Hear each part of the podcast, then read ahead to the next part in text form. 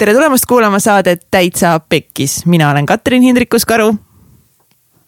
ja mina olen Mihkel Vetemaa.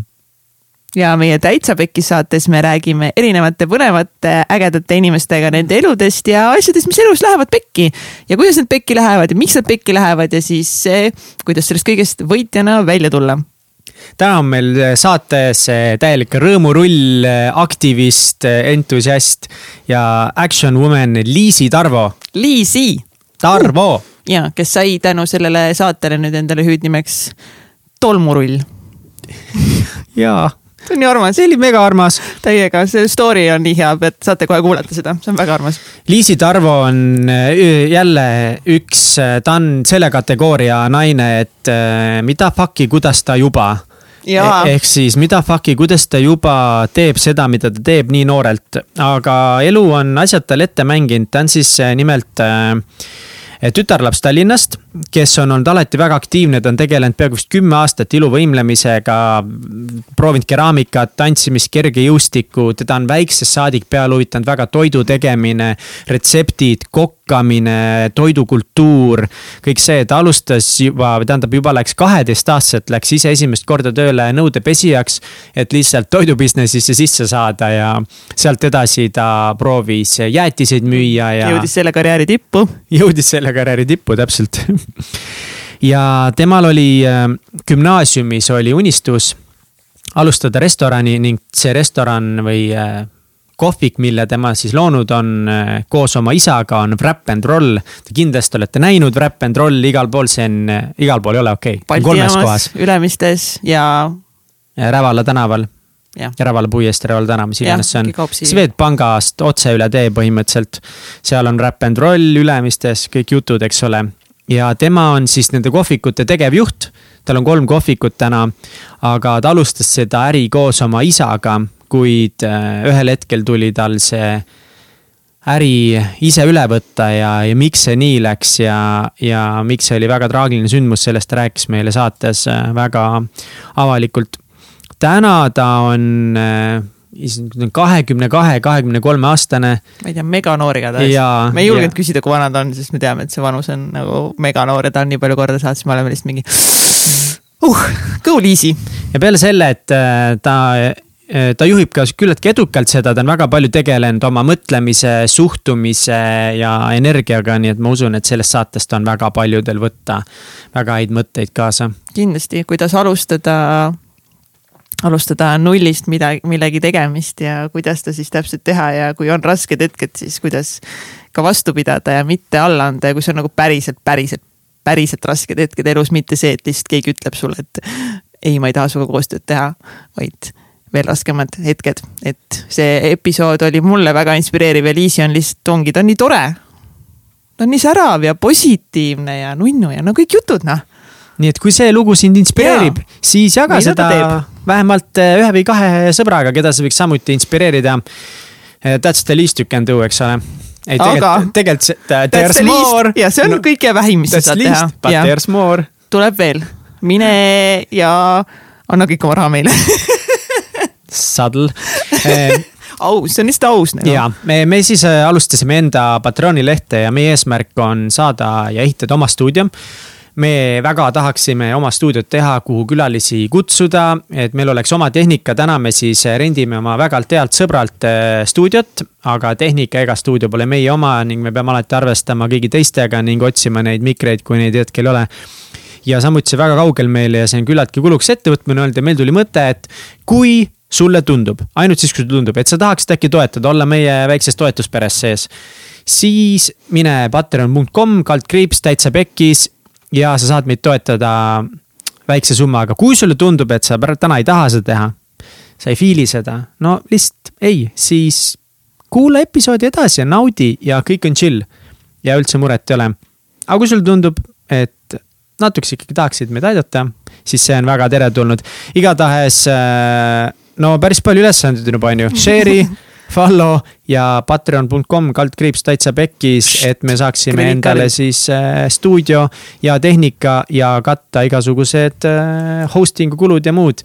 ja kui see tehtud saab, siis me mõtleme ka midagi veel ägedamat välja kuidas teid äh, tänada, võib-olla me teeme mingeid videosid, äh, kas äh, paneme videopildi juurde, teeme mingit muud võtab särgi sisu. seljast ära kuskil on ju nagu oo noh, jaa, on ju, kui, kui me Noh. tahame teist lahti saada, siis ma võtan särgi ära, nii et jaa, kõik on võimalik. kõik, kõik on võimalik siin Täitsa Pekkis podcast'is. nii et head kuulamist. oh, Liisi, aitäh, et sa tulid. Nii äge lihtsalt. super. Te kutsusite nagu see tervitus oli mingi next level, ma olin mingi what nagu täiesti uskumatu nagu et Nii nagu see oli nii mõnus äh, vibe ja kõik see, mind on mingitesse teistesse podcast idesse ka kutsutud, aga mõni on enne ära lõppenud, kui ma olen sinna jõudnud, selles suhtes et nagu teile you are lucky see läks nagu. see sisse praegu? hakkad minema ja jõuad kohale siis, kui kõik on juba pankrotis. ja nagu vaatad, võtad kutse vastu, vaata ei no põhimõtteliselt tere tulemast, Liisi. ja tere tulemast, Liisi, Tarvo. mul on hea meel, et meie saade ei ole enne kokku kukkunud, kui sa seda tulnud oled. täpselt samal teemal me, Jüri Pootsman kiitis seda logo ja siis ma vaatasin mu venna tehtud. Ja siis ma kirjutasin Eerikule ka edasi, et kuule, et näed, Jüri Pootsman ikka kiitis, et ikka väga lahe logo, tubli poiss on ju. siis ta oli mingi, et noh, et mulle üldse endale enam ei meeldi, et ah, see oli nii vana ja kuidagi kole, et ma siis hooga tegin, ma arvasin, et ega ta üle viie episoodi nii mina ei tee tegelikult? Eerik no.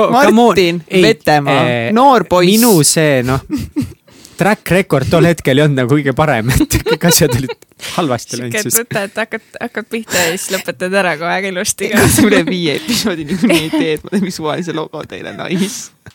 uh, ja siin me oleme, Eerik-Martin Vetemaa, buum.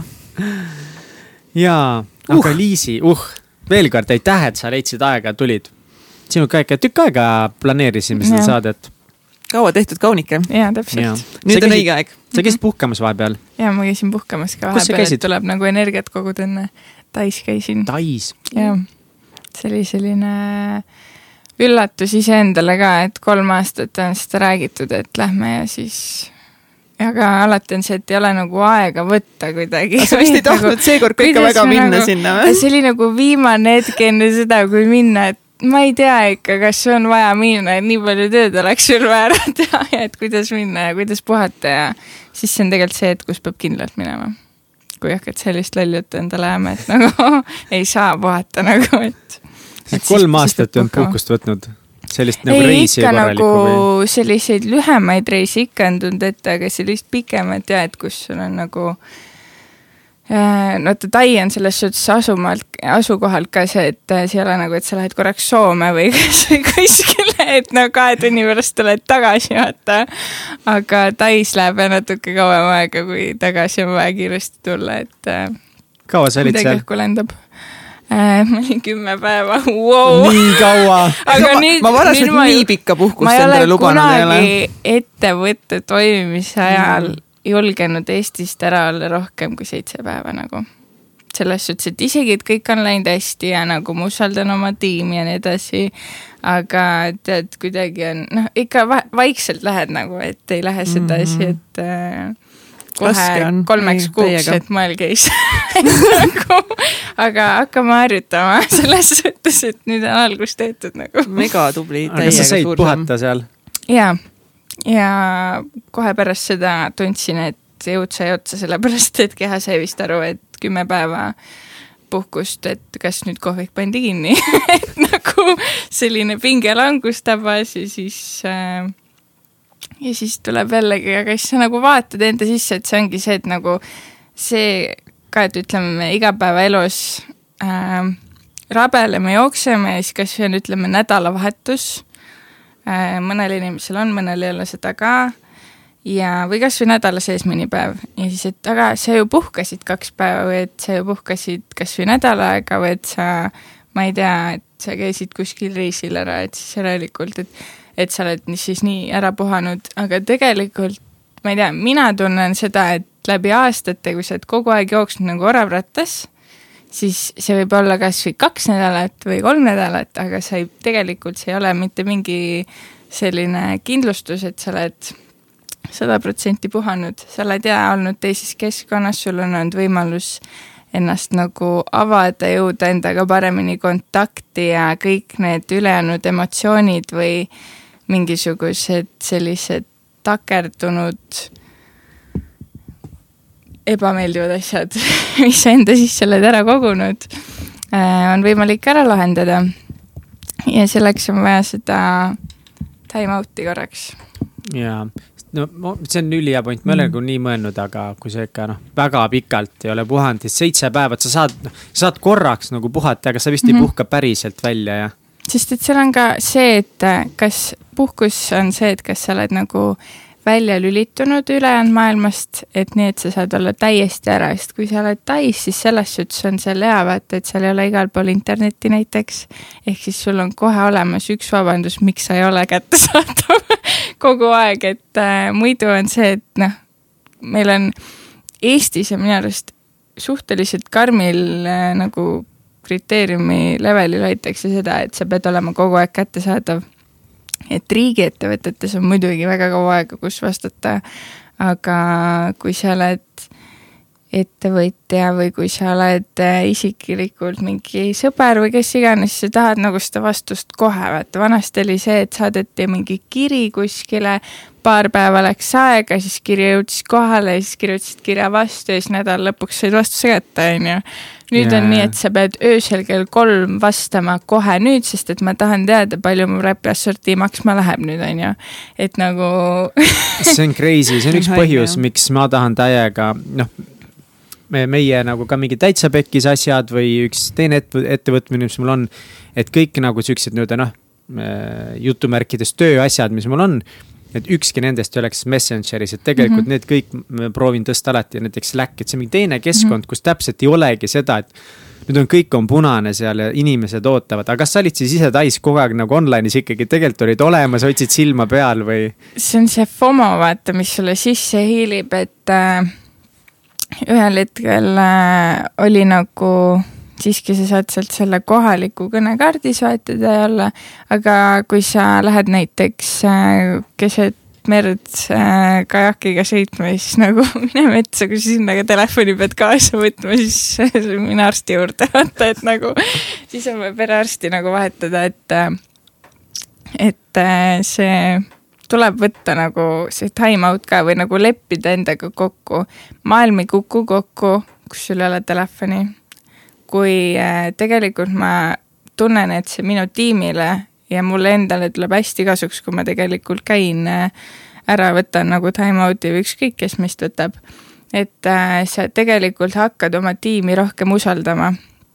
et igapäevaselt sa võid ka delegeerida erinevaid ülesandeid edasi aga kui sa annad nagu neile selle tunde, et nad suudavad tegelikult ise ka hoida seda nagu püsti ja nii, et kõik protsessid toimivad, siis äh, see on ka neile selline nagu, nagu suht tugev tunne, et me ei olegi nagu noh, eriti see enesekindlus, mis inimestel on, et äh, minu juures on väga palju noori inimesi, kes äh, suures osas ma ütleksin äh, ei usalda iseennast. Või on nagu ebakindlad selles, mis nad kohati teevad, äh, on väga, väga selliseid enesekindlaid inimesi ka, aga just selline kuskil keskkool, gümnaasium, tegelikult ei ole vahet, see oleneb äh, kuidagi, ma ei tea, inimesed on kuidagi nii ebakindlaks muutunud. aga kas sa arvad, et see ebakindlus on nagu nüüd alles mingi hiljutine asi või kuidas,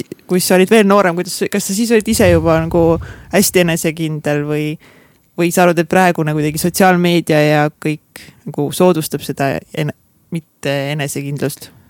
ma arvan, et ma ei, ma ei ole mingi teadlane, et ma oskan sotsiaalmeediat ja seda enesekindlust on ju ühildada, kindlasti seal on seose, sellest on ka räägitud mm,?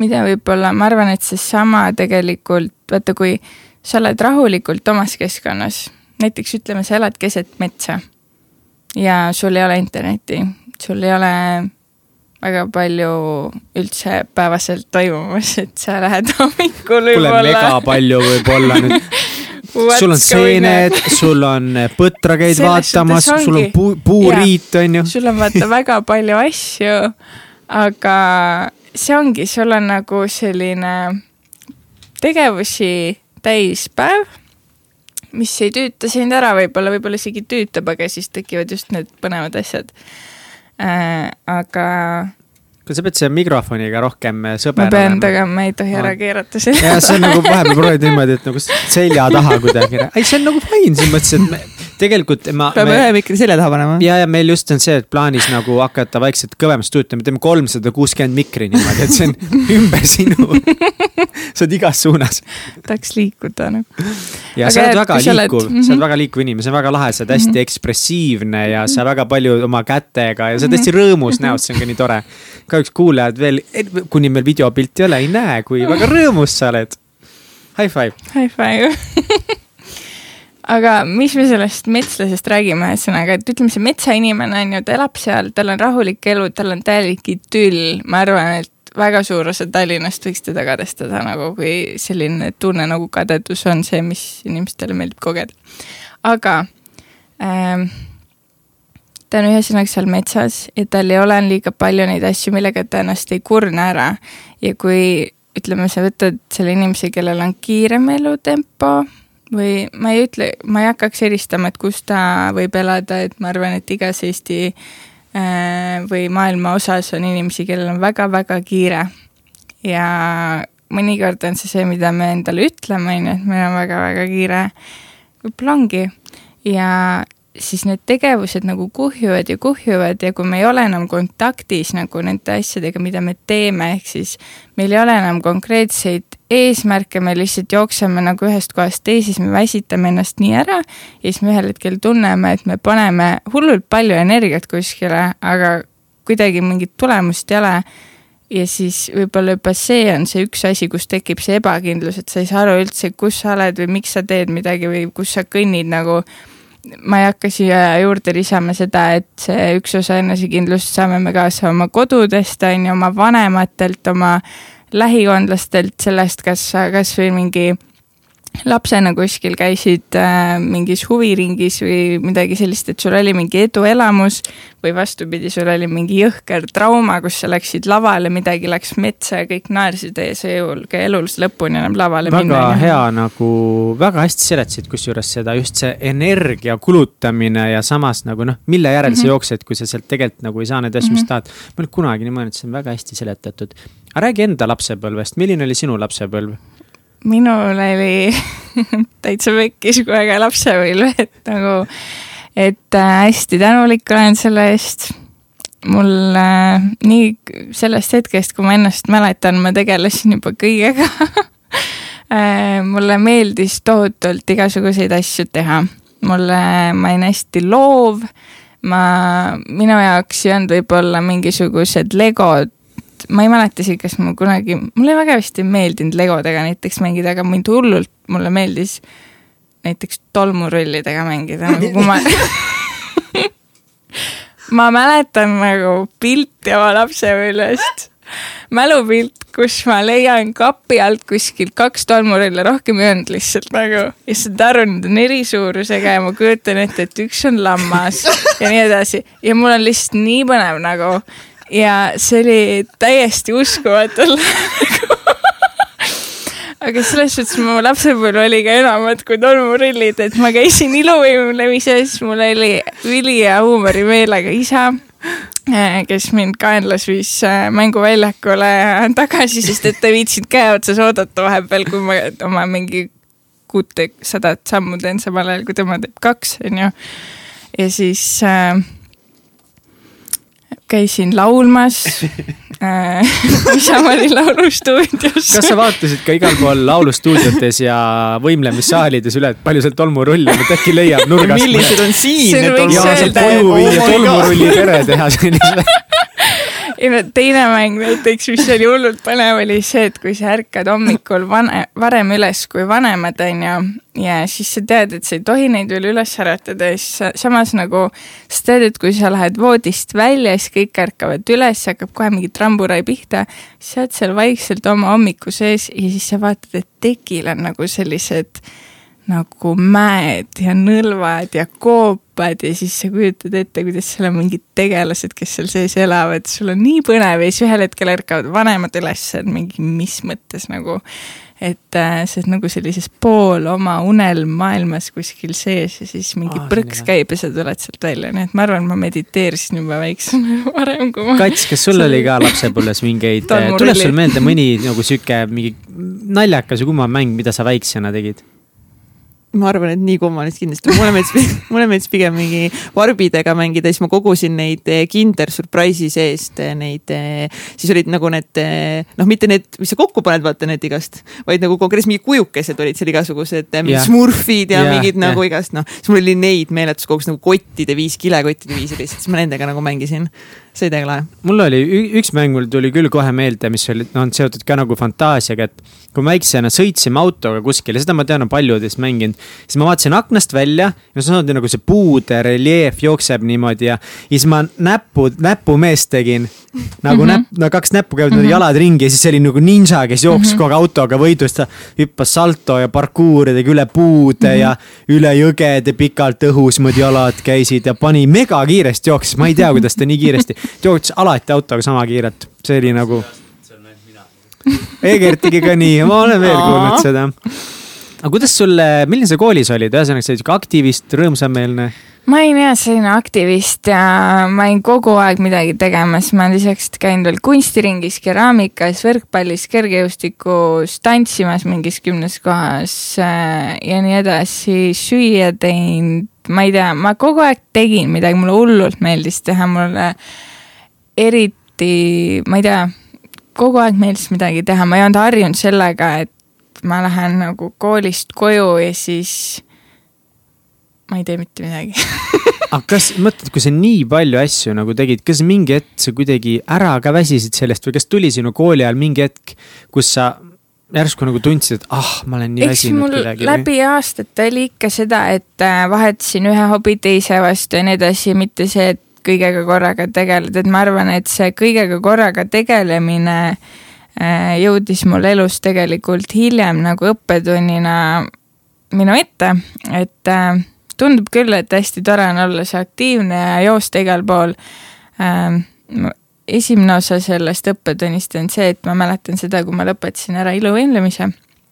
Ja ma tegin seda mingi viis-kuus korda nädalas, sa põhimõtteliselt eladki seal treeningsaalis, sul on nagu kool, trenn, õpid magama, kool, trenn, õpid magama. no mitu aastat sa kokku tegid iluvõimlemist? kokku kümme, mul oli vahepeal paus vahel. aga igal juhul äh, lõpetasid ära? lõpetasin selle ära ja ma mäletan seda esimest šokki, kui mul on nagu noh, kujutad ette, et sa oled, sul on olnud aastaid selline rutiin ja siis sa tuled koolist koju või sul saab kool läbi, sa oled mingi nii segaduses, et oota, ma ei peagi trenni minema, et mida siis nagu ma tegema peaks, et mida teised inimesed teevad. ja siis vanasti sellel ajal oli ajakirjanduses käis läbi see mingi Viru chill imine või sellised asjad, ma kunagi ei teadnud, mida see tähendab. ma noh, pärast seda ka väga ei kogenud seda üldiselt, aga aga selles suhtes, noh, ma kohe hakkasin uusi tegevusi leidma, sest et ma arvan, et see oli selline miks sa seal pooleli jätsid? sellepärast, et mul oli lihasrebend selline, et sealt pidi kohe tükk aega taastuma. et nagu kukkusid siis ei, mingi? et äh, kui treener volitas spagaati, siis tekkis lihasrebend ühesõnaga. aa jaa. ja siis sellest taastumine võttis äh, jah, tükk aega Uh. ja kui ma siis tagasi, noh, see on nagu haigus sul tegelikult sees, vaata, et sa ei saa sellest lahti, et ükskõik kui valusad su juba kondid kuskilt on ja noh, sihuke väsimus, liigesevalud tekivad ja nii edasi siis äh, sa ei saa sellest lahti, see on reaalselt nagu haigus. Nagu ju, jaa, sulle meeldib see adrekas, sulle meeldib see tunne seal nagu selle tiimiga, see sünergia. sulle isegi meeldib kohati see, kui treener karjub, sellepärast et siis see on nagu see push ib vaata edasi nagu, et äh, nüüd on see läinud kohati väga selliseks nagu memmekaks kätte, ma ütleks, et äh, et noh, mina mäletan ikka, kui minu ajal veel hüpitsaga peksti lapsi nagu. Super! Super, et ma ei ütle, et see on õige, aga selles suhtes, et see balanss seal vahel, et kuule, kas ei või nüüd isegi nagu venitada inimest, et et kohe vanemad äh, lendavad äh, peale, et äh, ma olen Ei sellega tohi ja küll lapsel on diagnoos- valus, et liiga- nagu- liiga pehmeks on asjad Mhm. läinud, loomulikult on mingid asjad, mida peab mõistliku piires tegema, aga laps peab samamoodi kasvatama ju, kurat, ega Mhm. nad ei kasva, neid peab Mhm. kasvatama. ja ma mäletan seda ka, et üldiselt nagu meestel treeneritele, lapsi pole. jah, ma just Mhm. mõtlesin sama. treeneritele nagu ei meeldinud, kui trenni tuldi pealt vaatama laste, lapsevanemate poolt, et olid küll mingisugused nagu esinemistrennid või midagi Mm. sellist, aga aga üldiselt jaa, et see on nagu hea tava, sest et kohe keegi hakkas kuskil kommenteerima või Segama ütlema, trenni et kuidas ja- sa nagu mis, miks sa ei tee või siis see, et mõni Mm. vanem ise ütles oma lapsele, et noh, pinguta nüüd vaata. ja selles suhtes ja et see oli, et see kontakt nagu treeneri vahel, ta võis, see piitsa ja prääniku vahekord, et sa saad sellest aru ja see on tegelikult elus ka nii, et sa ei jõua mitte kuskile, kus sa ei vahepeal ei pinguta nagu veri ninast väljas, ma ei tea, minu kogemus on see, et nagu selles suhtes ma olen teinud nagu nii tormilisi perioode oma elus läbi, et äh, jah, ma ei valiks seda igapäevaeluks, aga kui on tõesti vaja midagi saavutada, siis sa paned selle kõik mängu nagu, sul ei ole seda kohta, kus hoiad ennast tagasi enam.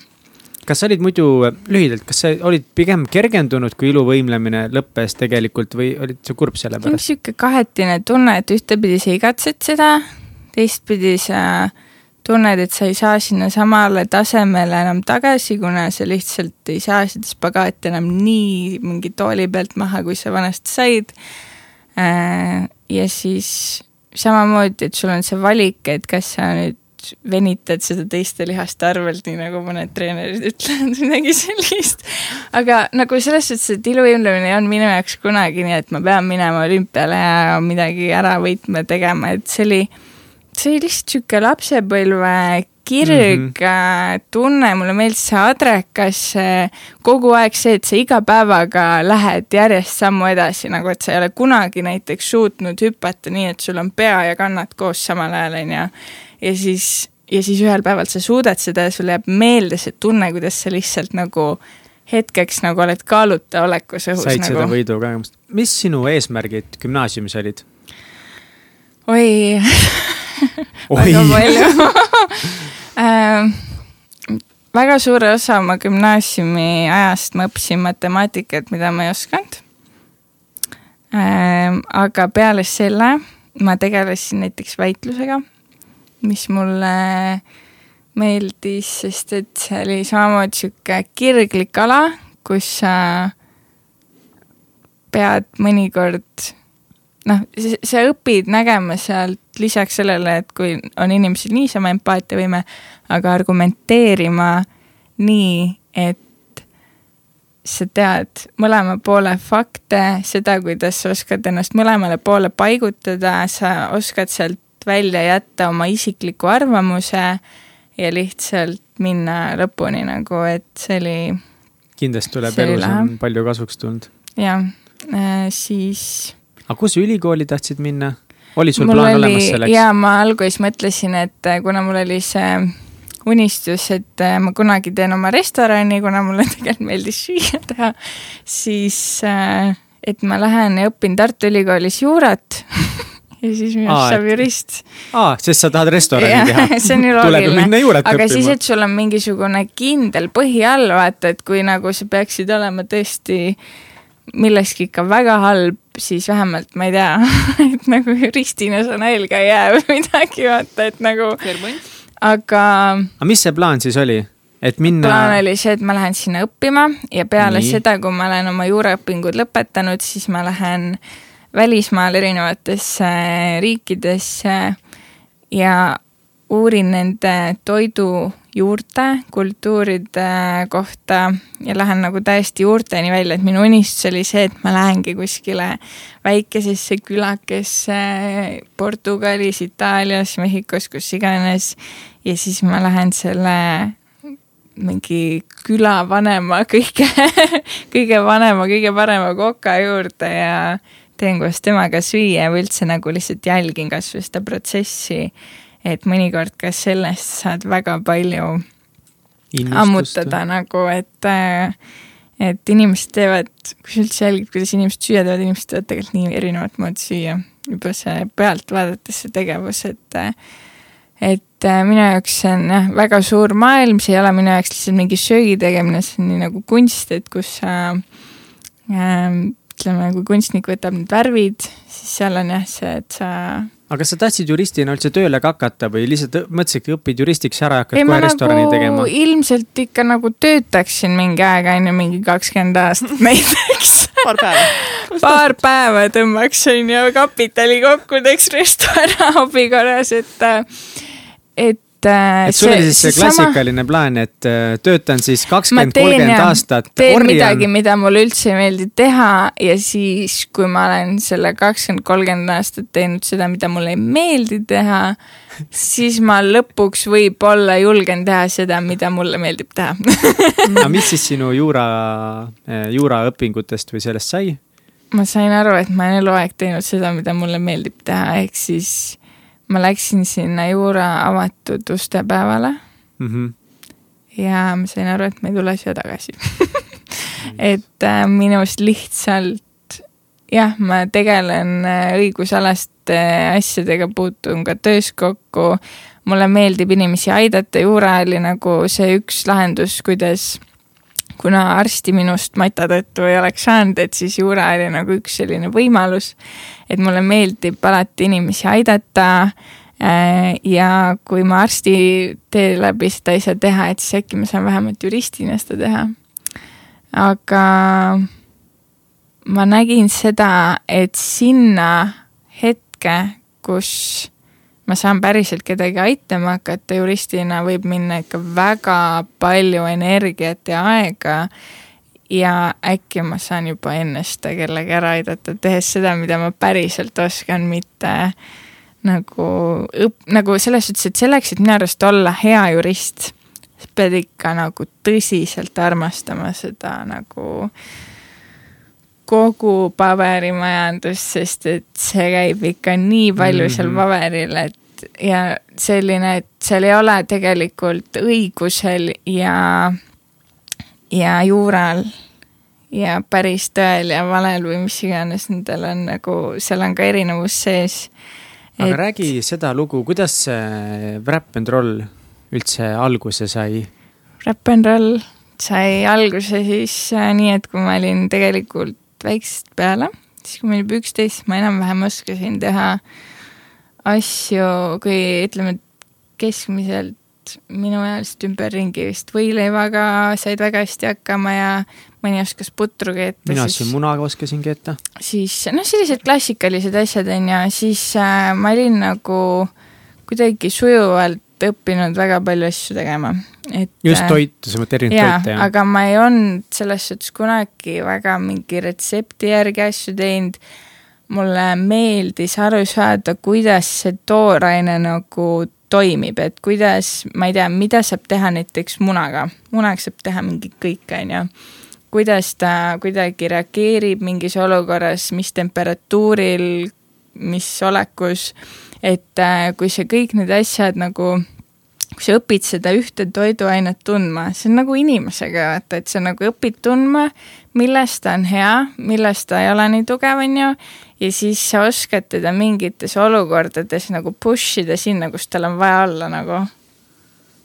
metafoor nagu, täitsa. vot selline on minu suhe toiduga nagu nice. wow.. ja, ja siis sealt edasi see kirg läks, ma sattusin erinevatesse äh, olukordadesse ka, kus ma tegin süüa. Äh,, lisaks sellele ma käisin noorena tööl äh,, tahtsin kohe minna esimesel võimalusel tööle päris kogemust saama, sest et muidu ei ole päris kogemus, kui sa tööl ei saa käia, on ju. Vähemalt see oli minu mõte tol ajal, aga ma saingi, esimene töökoht oli pesumajas, peale seda liikusin toitlustusse, kuhu mind lõpuks sisse lasti natukene, sain olla nõudepesija, sain olla teenindaja vaata kui lahe, kui sa ütlesid, et sa said olla yeah.. mitte, et sa pidid olema mm, -hmm. vaid sa said olla yeah., see on attitude risk. et ma, sest et sa ei saanud olla nagu yeah. sind ei lastud. oota, vana sa olid siis? Si-, ma alustasin No seda kõike mingi kaksteist, kolmteist oli vist Okei. siis, kui ma käisin seal pesumees ära ja siis neliteist, viisteist oli see, kus ma, neliteist ma olin juba oma ühe karjääri osa tipus olnud aga ma olin seal selles äh, nagu Pärnus oli üks jäätisekohvik vanalinnas, kus ma oma karjääri, ma ütleks, et see oli minu karjääri alguse nagu üks esimesi selliseid suuri õppetunde, et ma läksin sinna, ma olin alati nagu suht enesekindel olnud. kuidagi elu viis sinna, et keegi otsis kedagi ja siis läksin sinna proovipäevale. Ja pidin äh, päikeselise ilmaga müüma maha kolm jäätist, mis olid kandikul ja sulasid, nii et umbes üks-kaks minutit, et müüa need maha, aktiivmüügiga käia mööda tänavat ringi ma kõndisin seal tänaval ühtepidi ja teistpidi ja ütlesin inimestele niimoodi tere, et ma ei vaadanud neile silma ja lootsin, keegi lihtsalt vaikselt ostab need ära lambist. Ja siis ma läksin nurga taha ja nad jätsid olid praktiliselt sulanud ja ma hakkasin lihtsalt nutma. Ja ma sain aru, et okei okay, sa võid olla mingi enesekindel tšikk, aga nagu sa täiega sakid praegu nagu, sa lihtsalt nagu, sa oled täielik luuser nagu, ma ei tea, kuhu me jõuame niimoodi viisi nagu, mida sa ette kujutad endale nagu, sa ei suuda isegi kolme jäätist maha müüa, mis sul viga on nagu.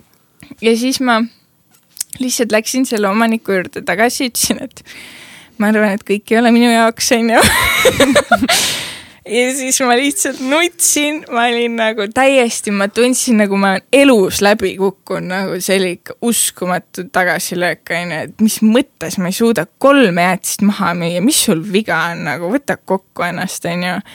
ja siis ta õpetas mind, ta ütles, et Liisi, rahune maha, et nagu õpetas mulle erinevad taktikad selgeks, et kuidas nagu, et sa pead nagu julgema, et sul peab tek-, vaata kui muidu ütleme, sul läheb mingi inimene külla, sa julged talle öelda tere, ma ei tea, kätt suruda, aga see, see on nagu nii, et mõlemad inimesed ootavad seda, et teil tekib see hetk, kus te ütlete üksteisele tere. Siis kui sulle tuleb tänaval või kaubanduskeskuses vastu inimene, kes tahab sulle millestki hakata kohe väga innustunult rääkima, siis sa ei taha üldse temaga suhelda, nagu sa vaatad mujale, sa ütled talle tere väga vihase näoga või midagi sellist, et ta ära läheks kohe. see oli nagu see minu olukord seal ja siis aga see nagu, kui sa sellest olukorrast üle saad, siis ma arvan, et sa võid elu lõpuni kõigega hakkama saada. Nagu see oli vähemalt see breaking, üks breaking point'e minu jaoks, kus ma sain aru, et äh, ma hakkan nüüd endasse uskuma ja see oli alguses väga ebamugav, see müügitöö tänaval see, kuidas sa iga kord paned ennast proovile, et kas ma nüüd julgen minna ja siis hakkab mingi ebamugavustunne tulema, kus sa ei taha minna ja siis sa tunned, et sul läheb see tunnetus nagu paigast ära. ja siis sa nagu viilid natukene sealt, sest et sa ei julge sinna minna ja siis jälle teed seda, et sa nagu oled seal see tere, tere, sihuke sunniga vaata, aga mitte sellega, et sa oled täielikult kohal, sest nii kui sa oled täielikult kohal ja teed seda omas elemendis, siis sul tuleb välja. ja siis sul tulebki tagasi saada sinna redelile, et mm -hmm. davai, ma hakkan uuesti pihta nagu ja lihtsalt surud nii kaua, kuni see on lõpuks sul nagu kehamälus kõiges sees ja see tuleb sul suurepäraselt välja nagu. ja siis ma olin seal kaks aastat ära, suviti äh,. ja siis ühel hetkel ma tundsin, et ma olen nagu oma karjääri tipus sellel alal Nice. ja on võimalus ja aeg edasi liikuda ja siis olin veel toitlustuses natukene, sellest ma pikalt ei taha rohkem rääkida, et õppisin seda, mis äh, oli hea ja mis oli halb.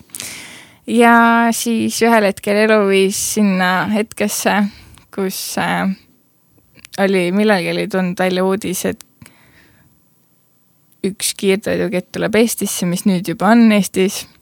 saab või, või? ei, Burger Ei. King. hiljuti tuli, aga ma rohkem ei ütle ja siis äh, ma natukene nagu vihastasin, mitte isegi natukene, mul ikka sees nagu ma olen hästi sihuke kirglik inimene ja mul ikka nagu kihvatas, ma olin mingi, mis mõttes nagu.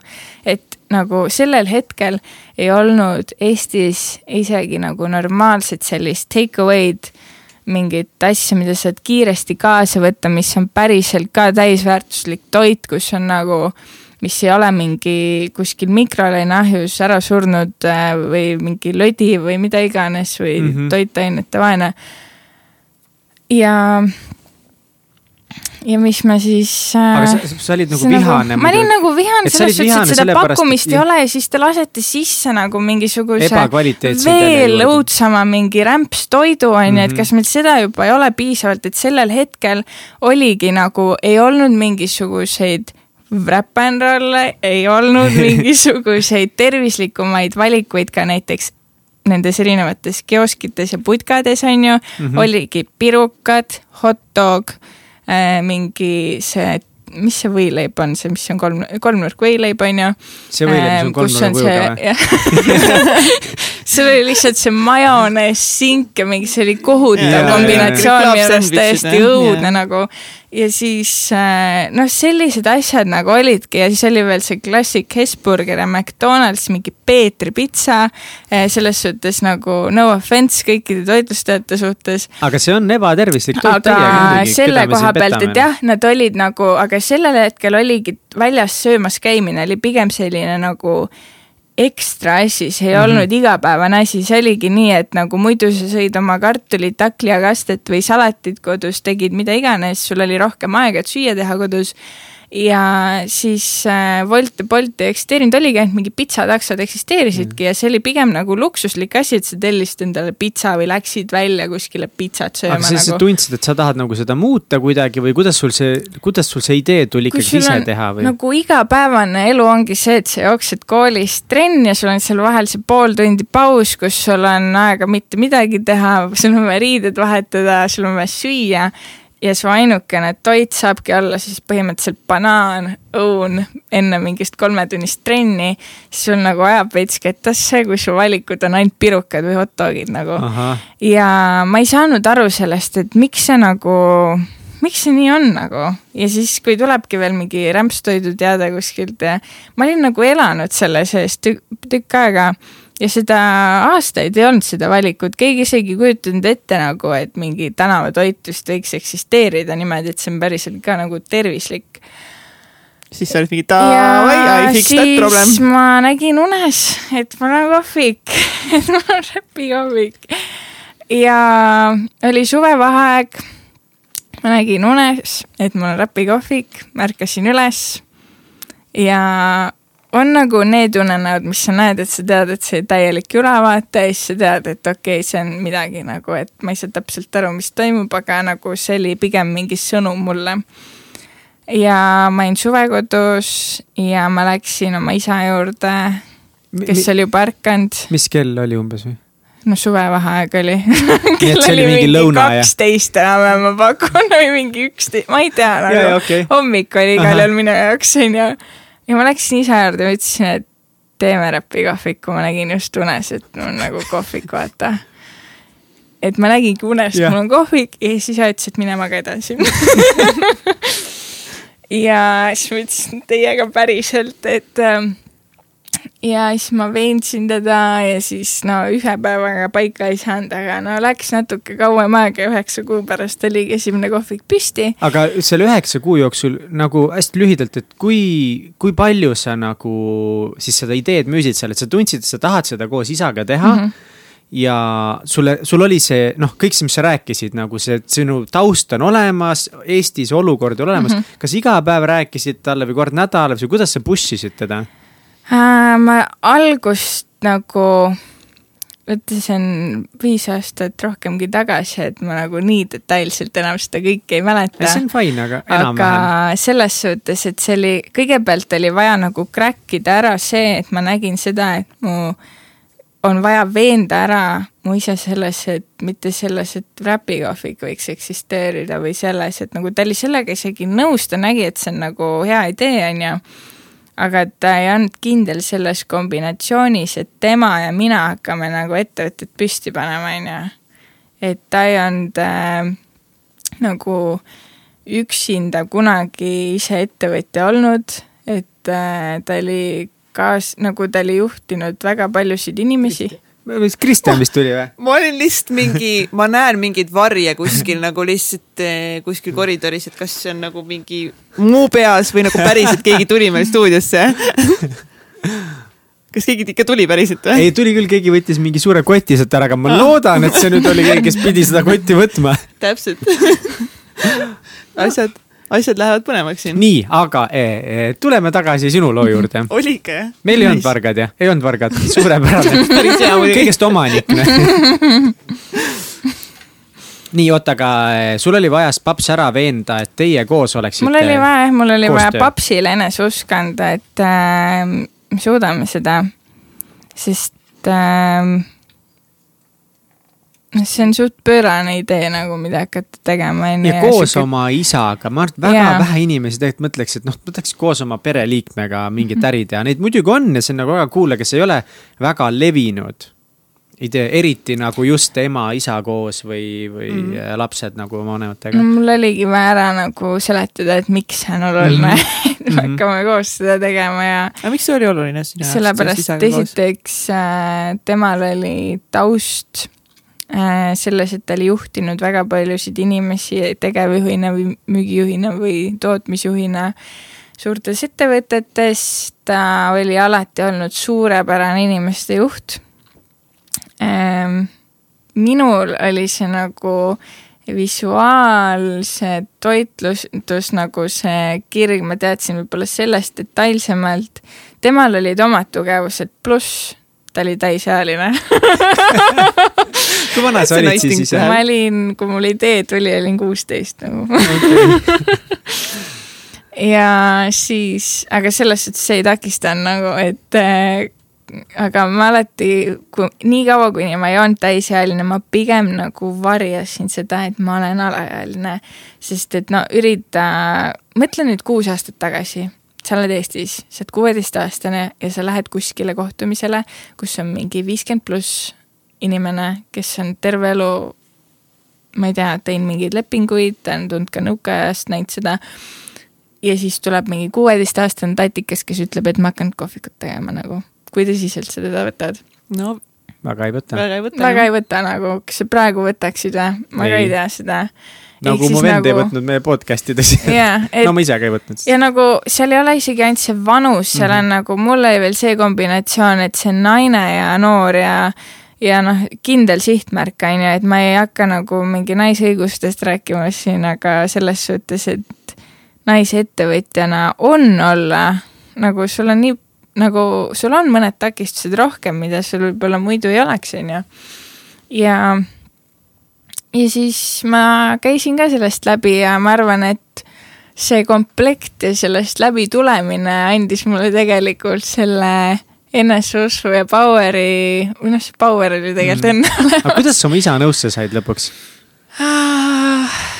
See on pika veenmise tulemus, et nagu ma ei ole vaata selline inimene, et kui kohe mingi üks vastulöök, et siis ma nagu back down in, et ma okei okay,, et ärme tee siis, et see on vist halb idee tõesti, et ma olin nagu, ma olin väitluses käinud nagu.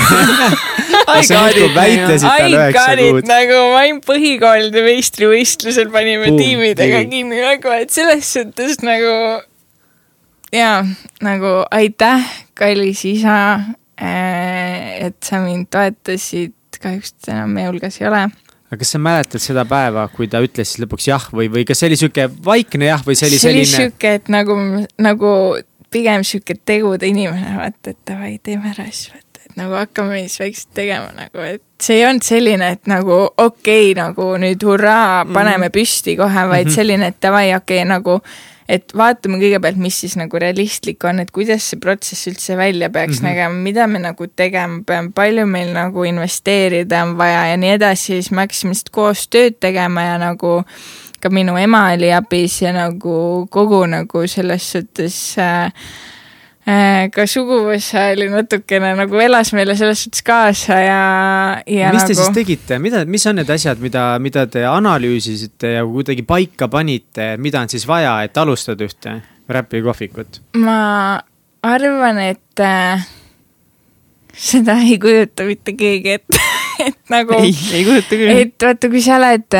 alustad väikeettevõtjana, ehk siis sul ei ole isegi ettevõtet veel nagu, siis sa teed, sul ei ole nagu isegi ettevõtte ruume veel. sa kõigepealt hakkad tegema mingisugust plaani kuskile mm,. mina olen neid plaane oma elus teinud niimoodi, et mul on äh, voodi kõrval on äh, kinni teibitud mingisugune ehitusposter kuhu ma kirjutan öösel midagi, kui mulle meelde tuleb midagi markeriga on päevad ära jaotatud, siin, siin, siin on need asjad vaja teha. mul on vaja ära sodida, kui midagi on tehtud või mitte, et äh, selles suhtes see, kuidas keegi seda teeb, on nii eraldi tema enda teema. ma ei ütleks, et nagu mingi Excel on see, mis on elu mõte, et nagu et nagu, et igaüks peab leidma endale mingi asja, onju, kui see töötab sulle, siis palun kasuta märkmikku, ära kasuta märkmikku, kasuta digitaalset, ära kasuta. Ehm, selline üleüldse inimestega suhtlemine ja eneseusk nagu see julgus ongi ära teha ja selles suhtes minul kuklas nagu alguses vaata on see, et ütleme, sul tuleb mingi hästi hea idee, siis sa lähed rääkima ja siis inimene on mingi ei, ei, ei ja siis hakkad teda veenma ja siis ühel hetkel, kui ta on juba, hakkab nagu nõusse jääma, siis tuleb see hetk, kus ta nagu tema on nõus, aga sinul hakkab ebakindlus tulema, et oota, mida ma just nagu tegin, et nagu mis asja ma siin- et nagu okei okay,, et ma nagu, sa ei ole vaata selleks hetkeks valmis, kus ta ongi nõus. oota, see mikrofon läheb kaugele, ma võta kaasa endaga, ma luban sul puudutada seda. sa võid seda enda lähemale, Egert oli enne väga mikrofonid oli, see on Egert on ju. Pole midagi, pole midagi. nii, vabandust, ühesõnaga, et sa hakkad nagu ise siis mõtlema, et oot-oot-oot, mis ma nüüd just. ja, et sa saad ise šoki sellest, et päriselt ka keegi vaata uskus sinusse ja tuleb kaasa siukse asjaga ja siis on see, et kõik vaatavad sinu otsa, et okei okay,, aga mis me siis teeme, siis see on nagu mingi, kust ma tean, et nagu, et äh, ja siis kuidagi koos hakata mõtlema lihtsalt, et äh, aga siis on ka see, et fake it till you make it, vaata, on ka see, et nagu sa paljud asjad, ma arvan, elus oleksid jäänud tegemata, kui inimesed ei oleks nagu uskunud sellesse ideesse või nii, et kõik võivad ümberringi öelda, et kuule, see on täiesti crazy idee ja nagu mis asja, vaata, kes sa oled, kuidas sa teed, sul ei ole kogemust, mul ei ole kogemust, kuidas me teame mingi noh, sada häda on ju, ja siis äh, aga kui sa ei usu sellesse ise nagu, kes siis veel usub nagu, siis sa peadki lihtsalt push ima läbi nagu, sest jaurama nii kaua See- kui ikka on võimalik, noh. mis nagu noh, eks iga ettevõtte alustamine on mega keeruline, onju, aga see toitlustusettevõte tundub nagu veel next level. nagu selles mõttes, et sul on nagu actually vaja mingit kohta, sul on vaja nagu kõike seda tehnikat, sul on vaja mis mingit kogu aeg töötab, sul on vaja inimesi, kes on inimesi, sul on vaja lojaalsed, neid on ju. hügieeninõudeid täita ja see on nagu No- mingi what nagu mm. Mhm. no lihtsalt hakkad peale nagu, et tegelikult äh, ma arvan, et kõik on päriselt ka võimalik ja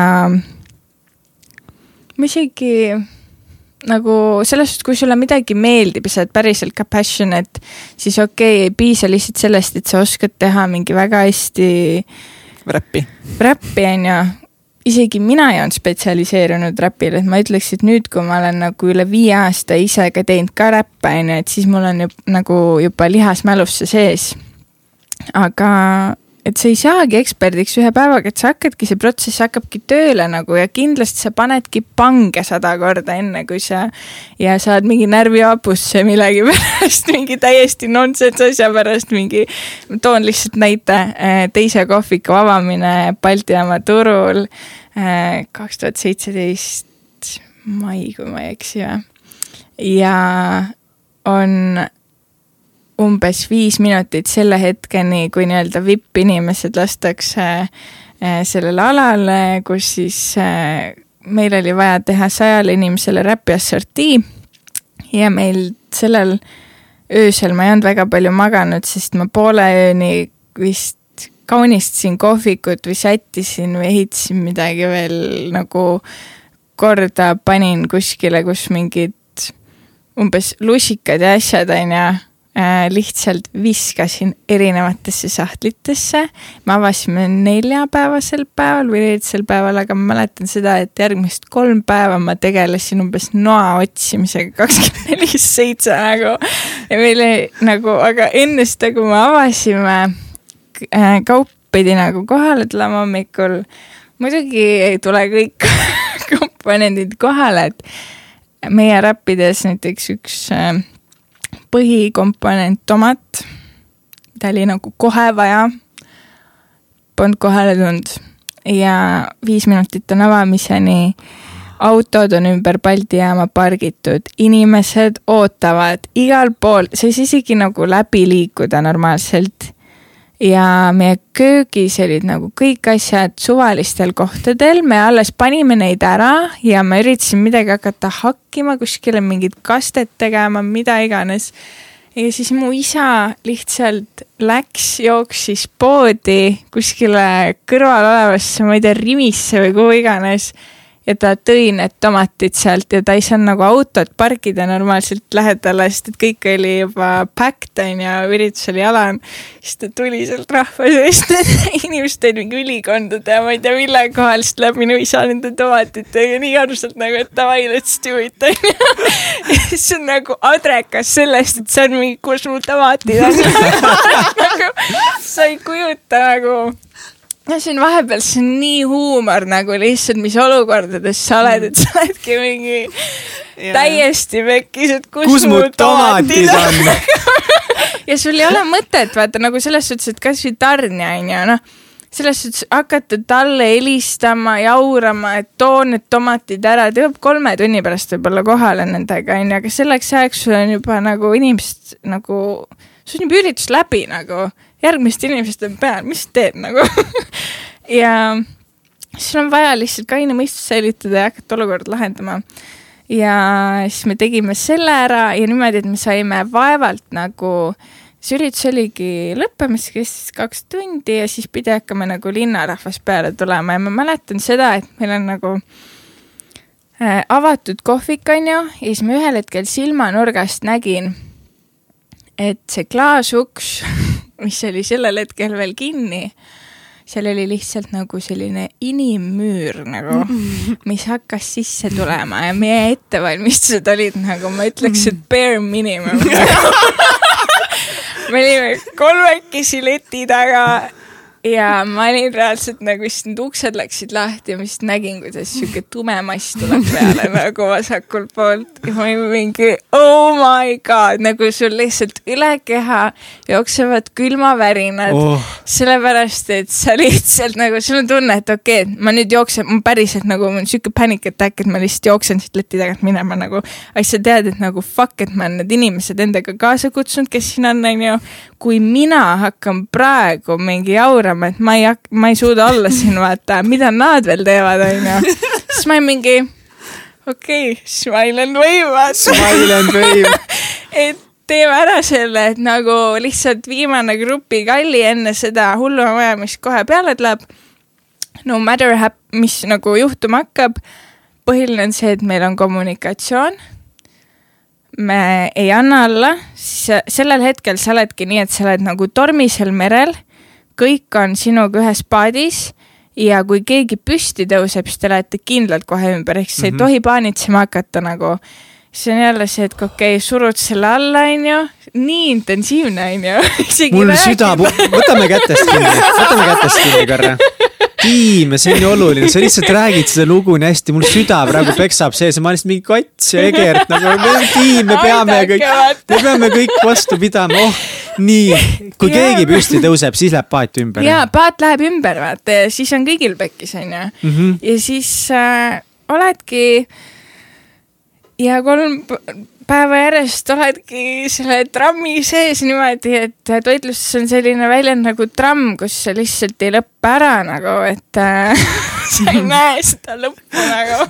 sul on lihtsalt nagu kolm päeva järjest hommikust õhtuni on nagu kakskümmend, kolmkümmend meetrit järjekord nagu ja see last man standing tunne tuleb, igast tunded tulevad ühel hetkel see on palju sisse. parem valik kui see, et sul ei ole ühtegi inimest järjekorras. jaa, kindlasti, et nagu mm, et see oli ikka nagu selline hirmutav, adrekas vau-tunne, kus äh, kui sa selle oled läbi teinud, siis sa väga nagu tükk aega ei karda enam midagi nagu. kus teie esimene kohvik oli? meie esimene kohvik oli Raudalus, mis on Karupees nagu, et selles suhtes nagu, kui me räägime Tallinna kesklinnast olemisega, Tallinna kesklinnast olemisest äh, võrreldes nagu siis sellest, et kui me viis aastat tagasi alustasime esimeses kohas Raudalus, mis on järve lähedal, äh, siis seal kõrval on selline väga armas elurajoon, äh, inimesed sõidavad hommikul tööle, siis nad sõidavad tagasi ja see ongi kõik et sa oled seal vahepeal, onju. sa oled seal vahepeal ja siis öeldakse, et et siin sõidab kakskümmend viis tuhat autot päevas mööda, sa oled mingi vau wow,, vaata, et nagu mm. -hmm. ja mm -hmm. siis pärast sa saad aru sellest, et oota, kuhu need autod läksid, et nagu aa, nad käivad siin hommikul nagu lähevad linna tööle, siis tulevad tagasi ja selles suhtes, et sa juba nagu lõikad selle arvu pooleks, saad aru, et okei okay,, su arv ei ole tegelikult kakskümmend viis tuhat. ja siis sa lähed sealt edasi ja sa vaatad nagu seda sihtgruppi ja noh, selles suhtes see sihtgrupp sellel ajal oli, ma arvan, mida linnast eemale, seda vähem kiirema eluga, seda vähem oli tal seda vajadust, et ta jookseb mm -hmm, ja üldse mhm. sellel ajal ei olnud nagu isegi, kui sa olid kesklinnas oli nagu imelik see väärtuspakkumine, kui sa ütled, et nagu päriselt ka sa saad nagu kohe midagi, mis on päris toit, on ju.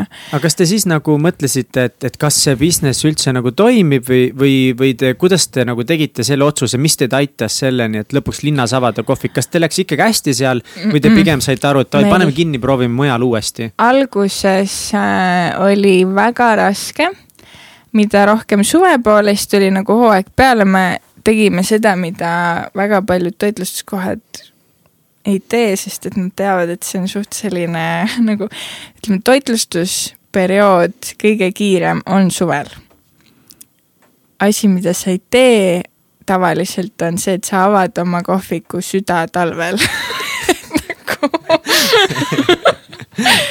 et siis see tähendab seda, et sind ootab jaanuar, veebruar, märts, aprill, et nagu need järjest lähevad ülesmäge, aga põhimõtteliselt see hetk, kus sa oled kõik oma investeeringud ära teinud ja sa ootad, et nüüd on see hetk, kus sul peab hakkama nagu rahavoog peale tulema, siis sa kukud veel sügavamale auku oma investeeringutega, sest sul on kulud peal, sul on äh, palgakulu peal, sul on nagu igapäevased toorainekulud peal, rendid, värgid, särgid. Äh, ja. aga miks te otsustasite siis talvel avada selle? kogemuse puudumine võib-olla või isegi see on isegi mitte kogemuse puudumine, vaid vaata, kõik tundus nii ilus ja üldse oli tunne see, et kui me nüüd ei ava, siis me ei ava kunagi mm. -hmm. et lihtsalt hakkame nagu, et tegelikult oli see nagu, et hakkame pihta, isegi kui see koht ei toimi, aga me tegelikult näeme, et meie kontseptsioon töötab et tegelikult inimestel on nagu huvi selle toote vastu ja nad hakkavad seda fännama, siis äh, ei ole tegelikult ka probleemi leida sellele ettevõttele õige koht, on ju. ja see ja eks äh, ma arvan, et see oli nii, pidi nii minema, et me sealt alustasime, sest et tõesti, me olime nagu väga beebikingades. Äh, ja kuskilt tuli need õppetunnid kätte saada ja koolirahad ära maksta. ja ma arvan, et see oli parim otsus, et kuidagi me sinna jõudsime, et me alustasime sealt ja kui me nägime, et see asi töötab, aga lihtsalt, et meieni ei jõua piisavalt inimesi, sest et me oleme reaalselt metsa sees, isegi nagu kullerteenused, äh, millega, kes tahaksid meiega koostööd teha, nad lihtsalt ei sõida nii kaugele wow. nagu, et noh, me räägime sellisest olukorrast ja siis tekkiski võimalus äh, minna Rävala puiesteele, kus on meie siis senini vanim kohvik äh, ja sealt edasi läks siis Balti jaam ja Ülemiste keskus. räägi ähm, palun seda lugu, eh, kui see on okei okay sulle, kuidas sa pidid ja mis põhjusel sa lõpuks pidid selle ettevõtmise eh, täitsa enda kätte või lõpuks võtma ja ise seda juhtima hakkama? et see hetk äh, tuli hästi ootamatult. mulle iseenesest aastaid me ajasime sisekesta koos Äh, vaidlesime koos, naersime koos, tegime pööraseid asju koos. kuidas see ametijaotus teil omavahel oli? Äh, mina olin see nii-öelda hustler ja ideede generaator ja käimatõmbaja ja mingite igapäevaste asjadega tegutseja nagu nii-öelda päris elus kokkupuutes ja tema oli samamoodi päriselus kokkupuutes äh, toorainega, samamoodi inimestega, aga ka paberimajandusega, et noh, see oli see, milles tema oli nagu trumpkaart olnud, on ju. Ja lisaks sellele oli meil suurepärane raamatupidaja. Äh, minu ema oli ka toeks, et äh, ütlen, see on nagu selles suhtes ühine hingamine nagu, aga mis siis juhtus, oli see, et ühel päeval ähm,, nüüd varsti kaks aastat tagasi äh,, lihtsalt minu isal oli äkksurm. ja siis peale seda langes ta koomasse. ja sellest hetkest, kus ta kokku kukkus, oli see on nagu kogu maailm kukub kokku. ja sa oled nii šokis, et sa ei nagu, minul on õnneks terve elu olnud kuidagi see, et kui mul on see kriisiolukord, siis mul lööb see kaine mõistus mingil määral välja. mul võib jõud ära kaduda, aga mul vähemalt mingi mõistusosa mingiks ajaks säilib. sest ma sain aru sellest, et okei okay,, praeguses olukorras ei saa nagu mitte midagi muud teha, kui lihtsalt äh, teha nii, et ettevõte toimiks sada protsenti, et kui mu isa üles ärkab, siis on kõik hästi. Ja siis me läheme taga, edasi ja, ja lihtsalt praegu, et tal on vaja puhata rahuvaikust ja ta tuleb tagasi nagu. aga paraku ta ei tulnud. aga sellest jah, hetkest nagu hmm, see aeg, kus ta justkui oli, aga ei olnud, on ju, et äh, et see on selline, see on mentaalselt kirjeldamatult raske, see on äh, samal ajal sa oled nagu vastutav kõikide nende inimeste ees, sul on need kliendid, kes sind armastavad ja kes sinu peale loodavad sõna otseses mõttes, et neil on mingid üritused, nad on sinuga arvestanud. muidugi jaa, sa saad alati öelda, et jaa, võtke mujalt ja ma ei tea, paneme üldse ettevõtte uksed kinni, on ju. ja lihtsalt äh, noh, ootame, mis elu teeb. aga kõikide osapoolte hüvanguks äh, tuleb lihtsalt see tugevus säilitada, edasi minna ja loota, et kõik saab korda ja kui vähemalt noh, et ongi see, et kui sa oled nagu nii hullus olukorras, et sa ei tea, mida teha, on ju, nagu, nagu kõik tundub täiesti pekkis. sul on äh, need asjad, mida sa saad teha ja need asjad, mida sa ei saa mõjutada. tee ära kõik need asjad, mida sa saad mõjutada. tee nii hästi, kui sa saad. ära süüdista ennast, sest et nagu kõik ei ole meie kontrolli all ja kui pärast midagi ikka pekki läheb, siis sa vähemalt tead, et sa andsid endast parima nagu. ja üldiselt kõik möödub ähm,. jah, mõnikord ka nii, et ei tulda tagasi, on ju. aga sellegipoolest äh, siis tuleb olla tänulik selle eest, mis oli. kui kaua ta koomas oli? umbes kolm kuud. umbes kolm kuud ja see oli see aeg, kus sa siis nagu ikkagi võtsid selle tugevuse kokku, et seda asja juhtida, kui ta, kui ta ärkab ja ta oleks olemas. aga kui sa said teada, et ta ikkagi ei ärka nüüd enam? siis äh, siis lähed nagu ühel hetkel sellisesse roboti, roboti olukorda, kus sa lihtsalt automaatselt teed mingeid asju Äh, mina panin oma emotsioonid lihtsalt pausile, ma üritasin lihtsalt nagu nii ratsionaalselt mõelda, kui ma suutsin. et äh, see ei aita, kui ma lihtsalt nagu, kui ma, ma teadsin, kui ma nagu hakkan nutma või ma jään kuskile teki sisse ja ei taha sealt välja tulla, siis ma ei tuleks sealt võib-olla välja nagu. Enne kui see olukord on lahenenud kuidagi, et äh, lihtsalt äh, kuidagi hoiad ennast tegevuses mingi aeg, on ju. ja kui ta oli meie hulgast lahkunud, siis äh,, siis sul on nagu okei okay,, lähme siis edasi, aga kuidagi on nii tühi tunne, sest sa, sul on nagu nii suva sellest on mingi ettevõte või üldse kõik protsessid maailmas tunduvad nagu nii tühised, kõik probleemid tunduvad nii tühised sest et neid saab kõiki muuta. Neid saab kõiki muuta, need on mõned lihtsalt sinu enda peas kinni ja lihtsalt äh, raske on nagu saada tagasi sinna nii-öelda tavaelu sekka, kus sul on jälle see power, see entusiasm ja kõike teha. Äh, see tunne, et sa jaksad teisi toetada, aidata, push ida edasi, sest et nagu igapäevaselt on ka ju minu meeskonnaga see, et ma tundsin, et hästi, ma tundsin ennast väga tugevalt süüdi samal ajal, kui ma olin. Seesama periood, kus mu isa oli koomas, et ma ei jõudnud nagu mentaalselt olla toeks ka oma tiimile eh, nagu nii palju, kui ma igapäevaselt olin olnud mm,. tegeleda kõik, et ma võtsin nagu kõik sellise miinimumprogrammi, on ju, et mis oli vaja täita, sest et seda neid äh, noh, see tööülesannete hulk niikuinii kasvas, äh, siis lisaks sellele ma käisin veel koolis ka ja kooli ma panin pausile enda jaoks sellel ajal. Äh, ma lihtsalt tegingi noh, see, see on see tunne, kus sul on nagu kakskümmend neli tundi ja seitse päeva nädalas ja sa tead, et isegi parima tahtmise juures sa nagu ei jõua kõiki asju ära teha.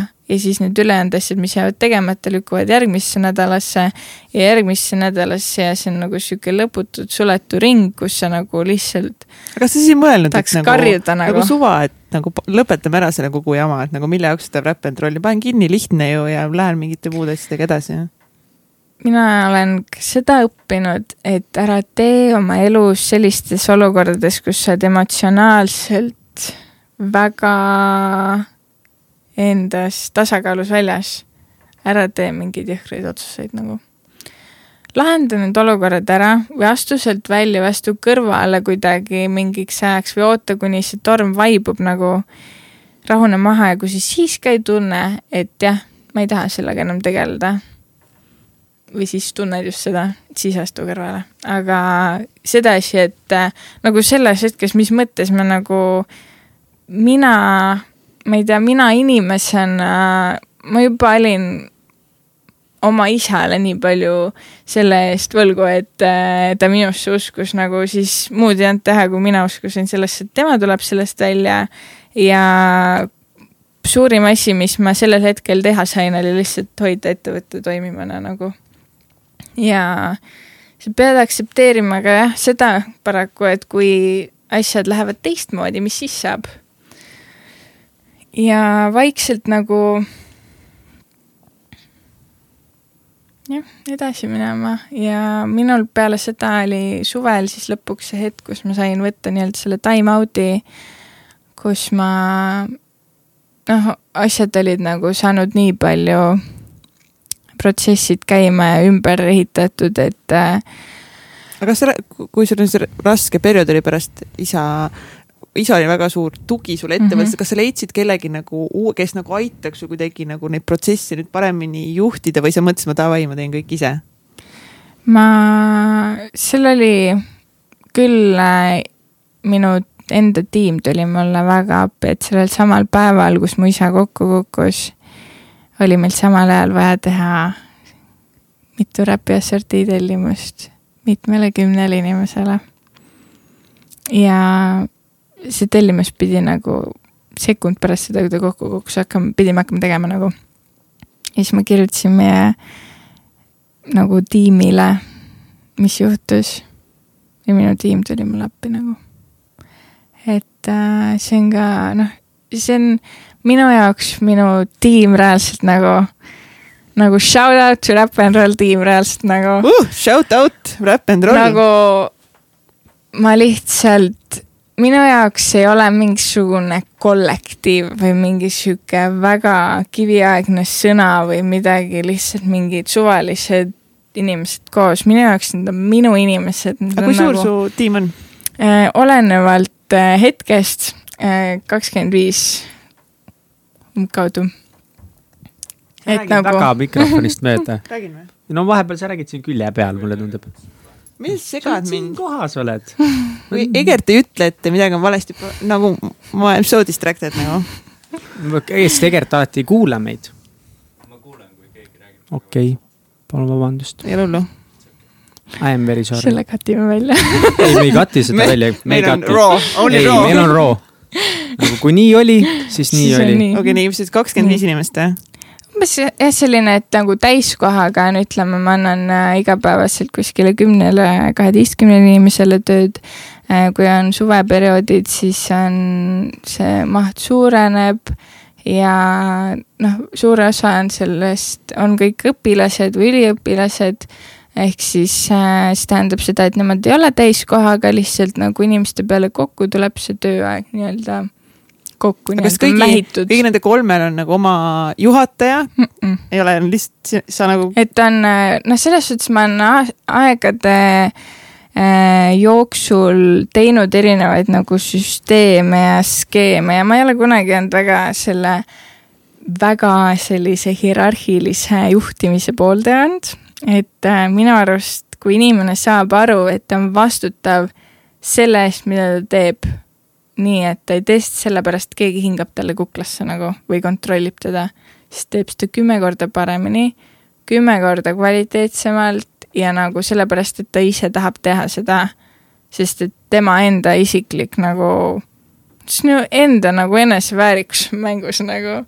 Et äh, ja sa ei saa kedagi teist süüdistada, sellepärast kui sa nagu, üldse see süüdistamine on ju, et äh, kunagi oli see, kui alles inimesed on ju tulid ja ettevõte kasvas, midagi läks äh, valesti, siis hakati otsima mingites olukordades süüdlast. see on tegelikult kõige mõttetum tegevus, mida teha, sellepärast et kuidas see probleemi lahendab nagu, ei lahenda ju et äh, pigem tuleb hakata otsima lahendust, aktsepteerida seda, et okei okay,, asi juhtus, räägime ausalt ära, mis toimus, on ju äh,. kas sellest on võimalik edasi minna või mitte. ja kui on, siis mis me saame teha, et nagu me ehitame selle olukorra tugevamaks, kui see enne üldse oli või siis me ei jätka koostööd, aga nagu üldiselt me kõik oleme inimesed, me teeme vigu, ka mina teen vigu, ka nagu selles suhtes, et see ei ole mingi noh, ma ütlen, et selline üleliigselt hierarhiline juhtimine, kus äh, kõik kontrollivad kõiki, ei ole minu stiil, et minu stiil on see, et kõik tahavad teha. ja kuidas panna inimesed tegema minuga koos sama asja nagu ja nii, et nad nagu tunnevad seda jõudu ja seda huumorit ja seda energiat, mis äh, on nagu, et seda pointi, miks me seda teeme, et me tahame inimesi lihtsalt aidata tegelikult. kuidas sa oma selle sädeme tagasi leidsid, oma selle eesmärgi ja why ja selle sädeme entusiasmi seda teha? tegelikult sa vastasid ära, et äh, sa pead üles leidma selle vastuse küsimusele why ehk miks. et äh, kui ma olin siis täiesti nagu energiast tühi, niimoodi, et mul oli nagu nii suva nagu sisimas kõigest. ma lihtsalt, ma ei tundnud enam mitte midagi, ma olin nagu tuim kala lihtsalt nagu, sorry kala, aga nagu aga Sorry kõik maailma kalad Sorry kõik maailma kalad, aga nagu ma olin lihtsalt nii tuim nagu. ja noh, ongi, et mingi, mõtlesin selle peale, et mida me oleme aastaid teinud, et päästnud räppidega inimesi ja tervisliku tänavatoiduga nagu viinud seda kogu maastikku edasi, on ju. ja siis sulle nagu visatakse selline asi näkku ja siis mõtled, mis asja, miks ma peaksin üldse pingutama, miks ma peaksin edasi minema ja nagu võib-olla see on lihtsalt märk, et ma olen praegu nii väsinud, et ma ei taha enam edasi minna. Ja protsessid käivad samal ajal, sa oled juba hakanud ehitama uut kohvikut ja läbirääkimisi pidanud tükk aega ja ja siis, kui sa saad selle jah-sõna kätte, et teeme ära, siis sa enam ei taha seda teha, sest et su sees on lihtsalt kõik nii katki ja siis ma korjasin ennast maast üles. ja üritasin nagu endaga uuesti sõbraks saada ja kogeda uuesti mingeid tundeid, mingeid emotsioone, saada ennast tasakaalu. kas see on mingi kindlad praktikad, mida sa tegid selle jaoks, et ennast uuesti kokku panna? käisin terapeudi juures ähm,. õppisin maailma uuesti tunnetama mis see tähendab? see on selline, see on vaata kogemus, mida on väga keeruline seletada, mõned inimesed arvavad, et peast soe, kui sa räägid neile mingist energiast või ma ei tea, mingist tundest aga mina usun sellesse, et meil kõigil, ma ei usu, ma nagu tean, võib-olla teil ei ole, aga minul on hing, minul on keha ja minul on mõistus nagu. ja et need kõik kolm peavad nagu koos töötama. ja hingega tuleb samamoodi tegeleda, uskuge või mitte, et nagu käid trennis, on ju, sööd hästi, jääd haigeks. miks? mõtled, et nagu mõistus samas stressis väga ei ole, aga vaim on võib-olla nii kurnatud või nagu endaga konfliktis, et tegelikult üldse ei taha teha, sest et nagu kuidas kõige paremini kirjeldada inimesele, kes ei usu, et tal on vaim või et tal on nagu hing. See hetk, kui sa tead, et sa pead midagi tegema või see nii-öelda sisetunne, mis ei räägi sinuga nagu sõnadega, sest see on hästi selline puhas ja siiras tunne. kui sa seda koged, siis saad aru, et okei okay,, see on mu hing nagu et äh, see on see esimene samm ja kui sa õpid teda märkama ja temaga koos olema ja teda aktsepteerima, mitte ütlema, et ei, see on nii loll idee, mul on kõik ratsionaalselt mõeldud, see on ju ebareaalne. kas teraapia Aga... aitas sul seda? ei, tera-, nagu selles suhtes, et ma olin juba aastaid enne tundnud enda sees erinevaid asju, ma olin enne seda veel kunagi kümnendas klassis läbi põlenud ja ma olin jõudnud selleni läbi nende erinevate raskuste. see on see, mis kõik on mind tänaseks hetkeks siia toonud nagu, et ma olen sellest kohati räigst jurast läbi käinud nagu nice. sihuke wall meid. of shit, nagu lihtsalt sa käid sellest läbi, vaata ja alati ei saa seda jõuga teha, see on minu puhul üks nagu miinust, et ma tahan nagu, et mis mõttes siis saa, et, et saad, saad küll nagu ja, et surud läbi, aga kõike ei saa kahjuks läbi -hmm. suruda. kõike ei saa ise mõjutada, see on minu õppetund, on ju. Mul on väga palju õppetunde ja ma olen väga tänulik nende kõikide õppetundide eest. mida te teraapias tegite või missugused, kuidas teraapia sind aitas ähm,? mina läksin oma hinge sisse äh,. Läksin, vaatasin, et äh, kus midagi kinni on, miks ma nagu lihtsalt selline elementaarne asi, et ütleme, sa tunned, et sul on näiteks rinnus pitsitab kuskil, on ju. Sa lähed selle tunde sisse ja sa mõtled, kus sa seda või tunnetad, et kus sa viimati seda tundsid. võib-olla sa tundsid seda viimati väiksena, kui sa olid viieaastane kui sa näiteks ajasid endale kuuma pudru peale, siis said eluks ajaks mingisuguse šoki sellest, on ju. et äh, ja nüüd on aeg selle traumaga tegeleda, see vastu võtta, see aktsepteerida ja saada aru, et see ei ohusta sind enam. siis see tunne läheb ära.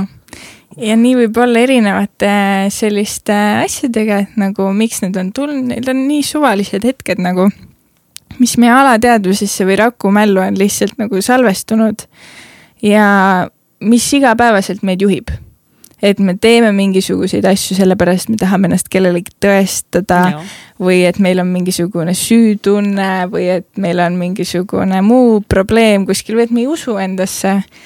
et ilmselt kuskil seal äh, meie südames on midagi, mis on kunagi haiget saanud lihtsalt nii hirm on seda nagu avada ja vaadata, et äh, lihtsalt pimestame ennast ära, lähme selle mõistuse häälega edasi, ütleme, et ei ole midagi, paneme edasi. Aga tegelikult elu tahab, et me vaataksime. ja just siis, kui mingisugust äh, jura hakkab nagu lendama, on ju siis taevast alla sadama, on ju, siis see on täpselt see hetk, kus nagu avad silmad ja vaadata, et oota äkki see on praegu sellepärast, et ma oleksin siin kohal, keskenduksin, mis asja ma teen nagu. et äh, kas see on õige asi või nagu selles suhtes sa oled kogu aeg kohal nagu, et see on parim asi, mis sa saad teha iseendale, teistele nagu. kellele sina soovitaksid teraapiat, et kas teraapiast oleks kasu ainult siis, kui sul ongi väga suur trauma, mille sa oled läbi elanud või mis see sinu seisukoht on täna? ma olen ise käinud läbi väga rasked osad oma elust, kus äh, tänu ja ma ei ole sealt üksi läbi saanud, meil on kõigil abi vaja, ükskõik kui tugev sa oled, sul on alati vaja nagu vajadusel ka kedagi, kes sind aitaks üles tõsta nagu.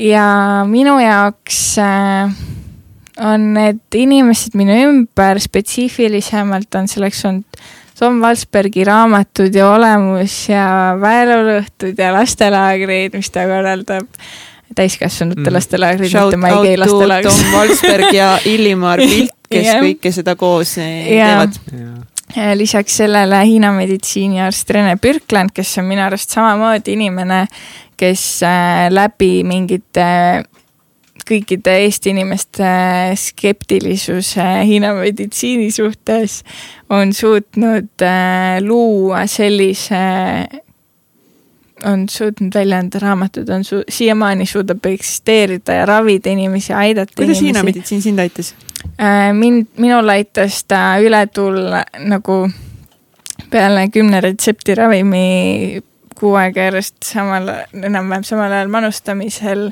kui ma olin täiesti läbi põlenud äh,, siis ma jõudsin lõpuks Rene Birklandi juurde ja ma hakkasin jooma ravimteesid, sain nõelravi, millesse ma mitte midagi ei uskunud nagu, ma olin mingi, mis sa arvad, mingi nõel teeb mu terveks või, jõu nagu, mis asja.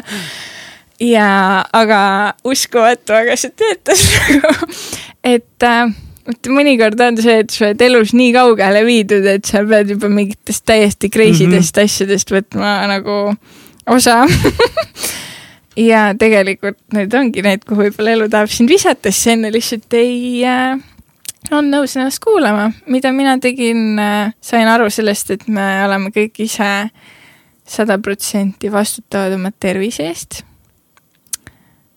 selles suhtes, et mitte ükski arst ega ravim ei saa meid lõpuni terveks teha, nad saavad aidata ja toetada, aga nagu kui noh, mina näiteks ei maganud regulaarselt nii palju, kui võiks, on ju äh,. unustasin süüa, jooksin ühest kohast teise, ei puhanud, olin noh, elasin kogu aeg nagu see nagu power nupp oli põhjas kogu aeg, on ju ja ühel hetkel see keha lihtsalt ei jaksa enam nagu ja mina ei uskunud seda, et aa, tahtejõuga saab kõike teha mm -hmm. ja tahtejõuga, ma ei tea, võtan seina ka maha, kui tahan ja ja kui nagu tervis, mis asja, mingi pea valutab, tõmbad tableti sisse, lähed edasi, onju, mis asja, nõrk ei ole, onju siin, et nagu võta kokku ennast. aga tegelikult on nagu see, et vaata, kui sa valu tunned, siis tegelikult keha mõnikord tahab öelda sulle, et Liisi, chill'i veits, vaata. nagu kui noh, ma ei kujuta ette seda, et nagu nagu, et kui väga ennast peab nagu kohati vihkama, et see nagu jõuga mm. nagu, kui sul on nii paha olla, et sa lihtsalt suuda olla. mõtled, lõpp on lähedal ja siis äh, mõtled sellele, et aga keegi ei saa mind praegu asendada ja ma pean selle mingi tööülesande ära tegema või ma pean mingi sõbrannad praegu nõustama minema või midagi sellist, on ju, et nagu lennukis pannakse hapni, hapnikumask kõigepealt endale ette. ja siis äh, õppisin seda. sa oled öelnud äh, sihukest asja, et Tom päästis sinu elu mm -hmm. ja siis täpsemalt ühe raamatuga, mis ja. raamat see oli? Tom Valsberg siis. Tom Valsberg, täpselt. kuidas rännata ilma hirmuta, see oli esimene raamat Tomilt, mis äh, minu kätte sattus täiesti samamoodi juhuslikku teed pidi, käisin Rene juures sellisel laua peal, vaatasin, issand, kui imelik raamat nagu.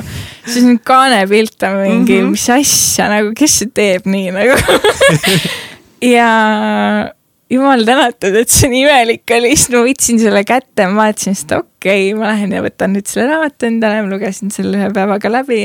ja siis mu elu muutus. Mm -hmm ja see ei ole nagu, see on nagu selles suhtes, kui sul on abi vaja vaata, siis sa ei vaata, kui pakk see raamat on, sa lihtsalt loed selle läbi.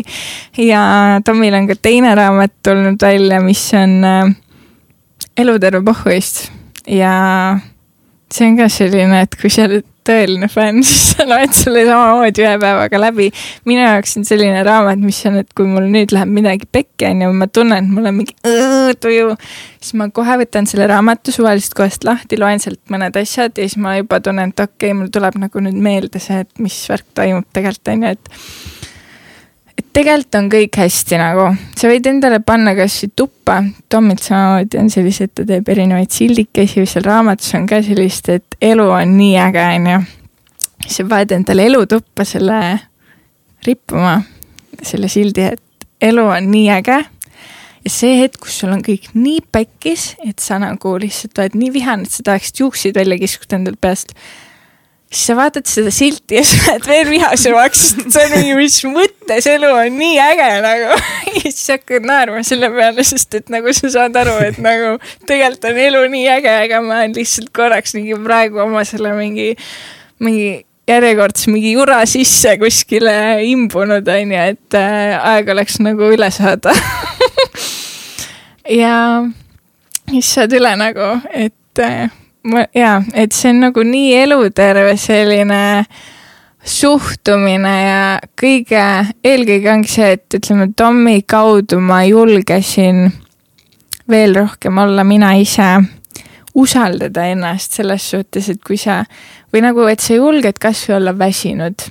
ma näen seda ümberringi hästi palju, et meil on kui sa oled väsinud, siis on nagu mingi tabuasi, et kõik on mingi, ah kuidas sul läheb, mul läheb nii kiirelt ja mul on nii palju asju teha ja, ja kogu aeg midagi pumm-pumm-pumm käib. tegelikult ei pea kogu aeg käima nagu, sa võid vahepeal nagu puhata ka ja rahulikult olla nagu ja sa võid ka vahepeal väsinuna tunda ennast, see on ka okei. Okay.. et äh, kui sa seda tunned, siis lihtsalt võta see väsimus vastu, puhka ja oled tagasi enda sada protsenti ja mine edasi asjadega.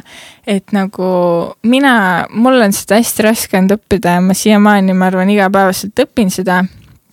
et äh, üldse nagu, et vahepeal me lähme nii sellesse töö asja mingi või muu mingi asi, mis meile meeldib, selle sisse kinni nagu. eriti hull on siis, kui ei meeldi mm. -hmm. ja põletame sinna mingis meeletus koguses energiat äh, ja siis me oleme nii tühjad nagu.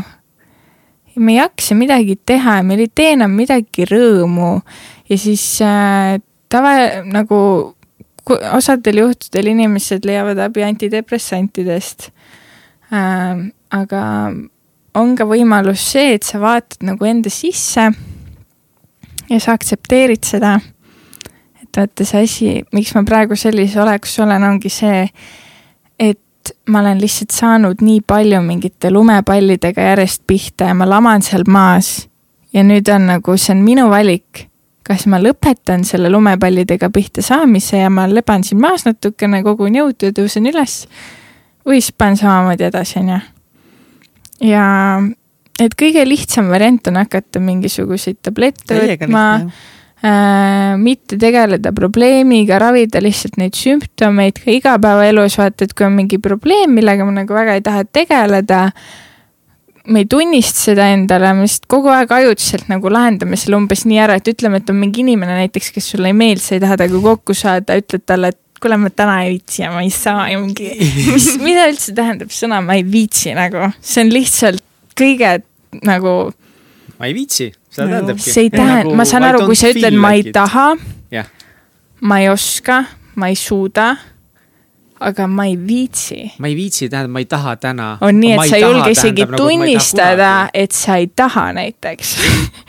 see on selline eriti Jaa. mugav variant öelda, et ma ei taha või et ma isegi ei julge tunnistada, et ma ei taha nagu. minu elukogemust nagu ma näen seda, et kui ma ise ka ma mõnikord ütlen, ma ei viitsi, siis ma saan aru, et tegelikult ma olen mingi siukse väga negatiivse pilve sisse korraks sattunud ja mingi hakkan jaurama, et mingi ma ei viitsi midagi teha, et siis oota, et aga miks ma, miks, mis toimub praegu on ju, et kas ma ei taha seda teha, kas mul on ebamugav seda teha, kas ma kardan midagi, mis sellega kaasneb, miks ma seda ära lükkan niimoodi.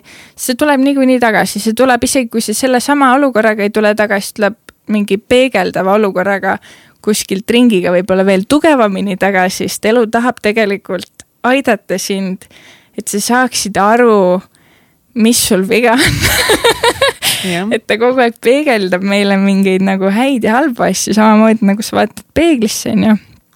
et, et need samad kuulata. sellised, oh jah, aga siis mina ei ongi oska väga hästi kuulata, Ja väga paljud, me ei oska kuulata, see on hästi võõras. raske on seda teha siis veel, kui su elu on nagu virvarri sees, et sellepärast ongi vahepeal vaja võtta see time out'i, tegelikult saab seda võtta ka iga päev natukene, teha endale mingisugune rutiin kujundada või ka kui ei soovi rutiini ära korraldada, lepi endaga kokku, et sul on igas päevas kas sul on mingisugune aeg, kus sa oled iseendaga. mina vahetan seda, vahepeal ma teen nii, et ma ärkan mingi kuus kolmkümmend üles ja see on minu nagu see aeg iseendaga, kus kõik magavad, keegi ei saada ühtegi meili, keegi ei helista, keegi nagu kõik on lihtsalt rahulikult une sees veel. ja mina vaikselt nagu ärkan, saan aru, mis mu sees toimub, saan aru, mis ümberringi toimub kus mingeid nagu selliseid äh, segajaid ei ole, onju. Aga mõnikord on see just nii, et sa ärkad keset ööd üles ja hakkad mõtlema selle peale, see on ka okei okay, nagu. või siis samamoodi õhtul nagu, aga mitte see, et sa hakkad üle mõtlema, et oh, issand, peaks seda tegema ja nüüd ma mõtlen, et nii hirmus on ikka see ja ja siis sa kütad ennast veel rohkem üles ja siis lõpuks sa ise magad ja siis sul tekivad unehäired ja siis saad häda, onju, been there, done that, onju. et nagu kõike on võimalik teha endaga selles suhtes, et äh, aga kasvõi nagu sa võid ka võtta endale viis minutit nagu. ma lihtsalt, ütleme kasvõi inimesed järjest helistavad või kirjutavad, mida iganes. pane telefon kasvõi, ma ei tea, vii teise majja või nagu, ma ei tea, vii naabrile korraks, ütle, et nagu võta, onju, või jah, pane lennurežiimile või lihtsalt pane hääletule ja viid teise tuppa ära või join'i minu mediteerimischallenge'iga ja lihtsalt mediteeri. jah, aga ja- jah, see flight mode on Ongi. nagu suht vajalik selle jaoks mediteerimine, sellised asjad ja see, et sa otsustad ja teadvustad, millal sa näiteks kasvõi oma telefoni kasutad, on ju, mitte nii, et see on kogu aeg nagu ja ja sa lased nagu, sa juhid iseenda elu, mitte nii, et sa lased kõikidel asjadel enda elu juhtida. et äh, see on jah, nagu, et aga need kõik õppetunnid või siuksed nagu õudsed asjad, mis meie ellu vahepeal visatakse, et äh, mis alguses tunduvad nii hirmutavad või tõesti need hetked, kus sa oled seal leti taga ja sa mõtled, et kus mu tomatid on või mingi, et nüüd nagu mis siis saab nagu, mis siis saab nagu teed, mis ma hakkan räppe ilma tomatita tegema või nagu mis mõttes on ju, võib-olla peabki tegema on ju, võib-olla see mingi uus retsept on ju, maybe it's Ahhaa. meant to be nagu ja, ja nagu ja aga Liisi, mis üldse tulevik nüüd eh, toob? mis on, on sul mõned suuremad eesmärgid ees ka, kas eh, iseendaga või eh, Rap n Rolliga? ma olen kogu aeg sedasi, mulle meeldib olla liikumises, et kui kas vaimselt või füüsiliselt arendad ennast või ratsionaalsel mingil tasandil või siis üldse olgu see noh, väljaspool, et ma hetkel äh, olen ennast taastamas äh,, sest ma kui ma tegin kolmanda kohviku ära, siis ma lubasin endale, et ma aasta aega ühtegi kohvikut ei tee, kohe saab aasta täis, siis võib jälle tegema hakata. Äh, eks ma vaatan ringi ja ma ei välista enda jaoks mitte midagi. aga tahaks äh, iga päev elada nii, et äh, päeva lõpus ütled, et ülihea päev oli ja sada protsenti sa elad täna, et, et äh, hin-, ma ei ma ei, ma ei viitsi olla ette selgeltnägija mm, -hmm. et mhm. selles suhtes vahepeal tuleb mingi suurem eesmärk, loomulikult viin ellu selle ähm,. lihtne. loomulikult tuleb ülisuure eesmärgi, no see on nagu easy, selle teeb kohe. sellised nagu... väiksed eesmärgid, neid viid niikuinii ellu Need teen une peal. Need söön hommikusöögiks et näiteks mõtled, et tänasest alates äh.... sa saad lihtsalt pure power nagu nagu lihtsalt raiud, vaata, vaata kui sa nagu tekitad endale selle harjumuse sisse ära, siis sul on väga raske tegelikult tagasi minna. siis sa mõtled, et nagu kasvõi ütleme, et ostan koju ainult neid asju, mis ei ole eeltöödeldud mm. -hmm ja sul ei hakka seda külmkapiharjumust isegi tekkima, sest et sa tead, et sa pead tegelikult süüa tegema, vaata, sul on süüa, aga sa pead selleks pingutama, et see toit valmis saaks. ja siis selle protsessi käigus sa õpid hindama, mida tähendab söögi tegemine, on ju või siis tulge Rap n Rolli sööma. mul on täiega Rap n Rolli su praegu nagu... kuule, täiega. nagu praegu võiks siis keegi tuua uksest meile mingid suured, me oleks pidanud tellima selle Woldiga meile see päeva lõpuks, aga Mihkel. oot, oot, oot, aga by the way, Wolt ja Bolt, kui, kuidas see, kuidas teie kohvikul on, kas tellitakse, ei ma mõtlen jah, noh, seda kindlasti on, aga kuidas see osakaal on, kas see on nagu mingi tulevik, et äkki kohvikud hakkavadki rohkem üldsegi läbi nende keskkondade müüma või ikkagi kohapeal käiakse rohkem? on suur osakaal Woltil ja Boltil või? Ähm,? Woldil, Boltil on kindlasti kasvav enda nagu noh, see, mida nad kasvatavad, oma käivet, oma, oma tarbijaid, oma klientuuri ja oma tarbijate, nad muudavad tegelikult tarbijate harjumusi, on ju. ja toitlustajatel, ütled toit, toitlustusmaastik on tegelikult nii kiiresti muutuv äh, selline maastik, et äh, no ma ei tea, kui me räägime mingisugustest äh, muudest asjadest, siis nende arenguga võib mm -hmm. ikka väga kaua minna. aga toitlustuses võib olla jah nii, et täna inimesed teevad endale kodus süüa, homme neil ei ole isegi vaja enam suuri kööke enda koju ehitada. aga lihtsalt... kas see on suur osakaal või, ma täitsa, täitsa isiklikust huvist, ma olen mõelnud viimasel selle peale, et, et kas see on huvitav suur osakaal, kui palju restoranid müüvad nüüd läbi nende teenuste? või see on väike veel? See on pigem suur. ah, see on pigem suur ikka? see on pigem suur ja see on pigem kasvav ja see ei ole enam selline, et kui võib-olla vanasti oli see, et inimesed, eh, nad ei tahtnud endale tunnistada, et nad vajavad seda teenust. et nad tellisid seda eriüritusteks või noh, et ei -hmm. raatsinud nagu äh, raha välja käia selle eest ja see oli ikka selline väga eriline puhk, kui kuskil midagi tellida ja siis ikka nii, et on kõigile tellitud. siis nüüd on juba see, et sa ei lähe isegi kontorist välja, vaid sa lihtsalt tellid endale mm. ja siis hommikusöögi tellid ära ja siis, et see lihtsalt mõne elustiili juures on hädavajalik, sellepärast et äh, sul ei olegi vahepeal mm. nagu, ma mäletan, kui meie näiteks äh, papsiga ehitasime äh, seda Balti jaama turukohvikut ja jooksime ühest kohast teise ja siis kuidas meil oli üks lõuna oli niimoodi, et ma tellisin Woldiga pre-order'i, sest et meil ei olnud aega kullerit oodata võtsin toidu ära ja siis me sõime autoga poti peal reaalselt nagu, et me kasutasime seda lauana nagu. kas sa seda oled eh, mõelnud teha, viimane mu enda nagu huvi pärast küsin, et, eh, et nagu, mis ma olen mõelnud, kas see on mingi teema, et võiks nagu avadagi nüüd kohvikuid, kus üldse enam inimesed ei käi. ja näiteks sa müüdki ainult läbi Woldi või Boltiga välja. seda tehakse maailmas juba aga ise olete ka mõelnud sihukest? ma olen asjade? mõelnud selle peale, sinna on veel nagu Eesti turg on selles suhtes, ta ei ole mingisugune kummist, et äh, see on ikkagi, vaatad faktidele -hmm, näkku ja siis saad mhm. aru.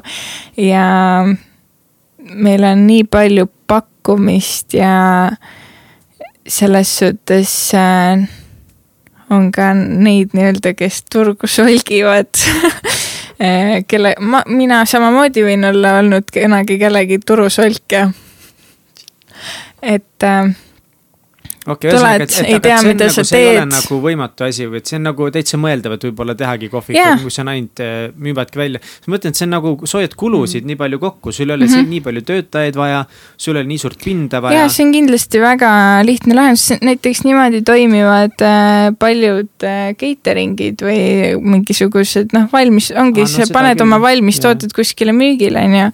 aga samas on väga on- megavana mudel tegelikult mm -hmm. ju. Jaa, ongi, aga samas on see, et sa tahad ikkagi seda kogemust ka, kus sa lähed mm., saad värskelt asjad mm, -hmm. nii et sulle värskelt tehakse valmis sinu silme all, nii et sa saad öelda, mida sa tahad, nagu See on inimene tegelikult vajab inimkontakti, nagu siin ei ole midagi teha, on mõned asjad, mida sa ei saa asendada nagu. Davai ikka, nii, aeg on välgutada või? teeme välkküsimused. teeme välkküsimusi. kas me teeme täna täitsa teistpidi? Et sina küsid minu omasid, mina küsin sinu omasid. võime vabalt teha, vabalt, teeme täna siis niipidi. teeme või Jah. Davai. kas sul on mingeid kindlaid eh, harjumusi, mida sa teed igapäevaselt või iganädalaselt? mul on viimasel ajal tekkinud see harjumus või nagu mitte viimasel ajal, vaid juba pikemat aega, et sa üritad järjest rohkem olla teadlik igal hetkel. See, mida sa ütleme, noh, tunnedki, et mingi emotsioon tuleb, oled näiteks, ma ei tea, vihane või kuri mm. -hmm. kas sa oled vihane või kuri ja saad aru esiteks, et mida sa tunned ja sa ei suru seda endale alla, vaid et sa julged seda endale tunnistada, et ma tunnen ennast praegu väga kurvana näiteks või väga rõõmsana. miks ma seda tunnen ja kas mul on midagi, mille eest tänulik olla. ja kui see on mingisugune nii-öelda, meile meeldib öelda, et on halvad emotsioonid ja head emotsioonid, on ju. ühed on need, mis sulle justkui energiat annavad, mõnel inimesel on vastupidi ähm, et siis sa tegeled nendega ja sa saad aru, miks sulle mingi emotsioon tekkis mm. ja et sa ei jäta seda enda sisse kuskile mädanema, vaid sa lahendad selle ise ära nagu ja see ei ole, lahendamine ei tähenda seda, et sa pead minema kellegagi tülli, kaklema, karjuma. see võib tähendada seda, et sa lihtsalt paned silmad kinni, lähed mõttes sellesse hetke, kui see juhtus, saad aru sellest ja siis saad aru, et tegelikult see ei ole mitte midagi isiklikku sinu suhtes, vaid näiteks sellel samal inimesel oli sellel hetkel lihtsalt nii halb tuju, et tal oli vaja kellegi peal see välja elada. milles sa väga hea ei ole? matemaatikas mille üle sa elus kõige uhkem oled mm.? tea, see on imelik tunne, see uhkus, aga samas see on, ma arvan, et see, kes äh, praegu täna siin olen, see, et mul on nii äge tiim. nagu see, et ma olen suutnud enda ümber koondada nii mõnusad inimesed, et nagu, mida nad suudavad teha. või siis see, kuidas ma olen suutnud mõne inimese elu muuta, näiteks sellest, et ta on tulnud halbadest tingimustest, ennast kohelnud nii, et ta ei armasta ennast ja ma olen suutnud seda muuta. Ma olen selle üle täiega uhke, kui nagu sa tunned, et sa oled suutnud inimese elu paremaks muuta, see on lahe asi nagu. mis on kõige pöörasem asi, mida sa teinud oled ja kas sa teeksid seda uuesti? ma ei oska öelda, mis on kõige pöörasem asi et äh, paljud ütlevad, et suht crazy sid asju teen kogu aeg, aga nagu minu arust need on täiesti normaalsed asjad ähm,. ma mä-, nagu, mul on kuidagi olnud mingisugune teema sellega, et kui on, küsitakse, et kes on vabatahtlik, siis ma tõstan käe püsti nagu kohe, nii et ma ei mõtle ka. ja sest ma olen ju, tahaks aidata või kaasa teha või teeme ära, on ju, let's go, kuulen idee ära, okei okay ja ma ei jõua nendele hirmudele mõelda isegi. ja siis kunagi sihuke olukord, et oli Eesti otsib superstaari mingisugune äh, linnahallis oli mingi finaal, vist Ott Lepland oli seal, kui ma ei eksi ja oli reklaamipaus, linnahallis oli umbes neli tuhat inimest ja siis küsiti, et kes reklaamipausi ajal tule, tahab tulla lavale laulma. ja ma automaatselt tõstsin käe püsti ja mind valiti. ja siis ma järgmine oh. hetk mul jõudis kohale, et mida ma just tegin ja siis ma läksin sinna lavale ja mul oli tegelikult jumala okei okay tunne, nagu ma olin mingi, ma teen ära selle. ja siis see hetk, kui, mis see oli, ma ei mäleta, kas Märt Avandi või keegi andis mulle, igal juhul see nagu saatejuht, kes muidu oli laivis olnud, andis mulle mikrofoni kätte. mu kogu elujõud ja mu hääl kadus ära, ma lihtsalt tundsin nagu sihuke laine peast jalad allani lihtsalt tüš, kõik mingi nii hull hirm tuli sisse nagu selline full adreka tunne. ja siis see on see hetk, kus sa surud ennast sealt läbi, lihtsalt see on mingi mm -mm, Liisi, mitte nüüd nagu nüüd sa võtad ennast kokku, sa võtsid selle vastutuse, et sa lähed sinna lavale ja sa teed selle ära, sa ei vea inimesi alt nagu ja ma andsin ennast parima nagu, alguses ma mäletan paar esimest laulu, seda rida oli nagu hääl värises või noh, tead see, kuidas sul nagu kuidagi hääl hirmust kaob mm -hmm, ära, lihtsalt sa ei mm -hmm. saa nagu füüsiliselt mõjutada seda, see lihtsalt nagu nii hirmus on, onju. siis ma sain üle sellest laulu, lõpuks oli juba päris okk olla, aga siis ma pärast mõtlesin küll, et see oli suht crazy nagu. kas sa teeksid uuesti seda? Ma teen iga nagu suht tihti selliseid asju, mulle meeldib seda teha, nagu see, vaata, kui sa saad sellest hirmust üle nagu ja selle otsa vaadata, see on nii äge tunne, nagu see adrekas, mis sealt tuleb, see power, mis sealt tuleb, sealt mingi nagu elu on nii äge lihtsalt. Elu on äge, aga mis on edu võti? usu endasse, kuula ennast ole maailma vastu mitte isegi hea, vaid lihtsalt nagu hinda täna, armasta. ja kui sa annad midagi, siis see tuleb sulle vastu tagasi, et ole nagu lahke. ära ole kade jaga inimestega, jaga oma kogemusi, jaga oma rõõmu, ka oma kurbust, sest et mõnikord on see võib-olla antud sinule sellepärast, et sa jagaksid seda kellegi teisega, et tema õpiks sellest midagi. et äh, kunagi ei tea, miks need asjad sinuga juhtuvad, mõnikord saad alles hiljem teada. absoluutselt. skaalal ühest kümneni, kui veider sa oled ma ei tea no. ei ole väga veider nagu, aga. ühest kümneni üks on kümneni. nagu täiesti, no null kümme on nagu väga veider, üks number ühest kümneni. kogu elu on kaalul praegu.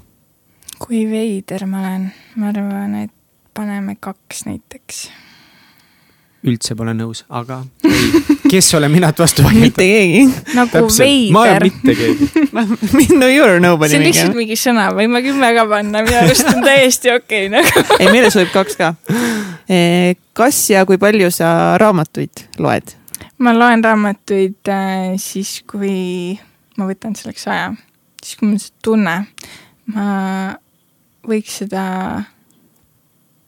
võib-olla teha natuke tihedamini no ma arvan, et paljud meist võiksid mm -hmm. seda tihedamini teha. ja, ja meie täna aitame sul aga...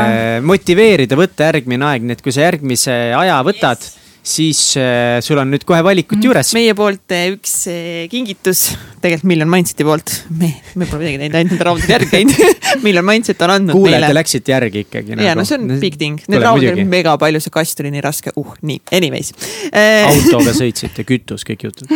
täpselt nii, klassika Miljonäri mõtteviisi saladused, uuem klassika Simon Sineki Leia oma miks Napoleon Hilli saatanat paljastades mm. -mm -mm -mm.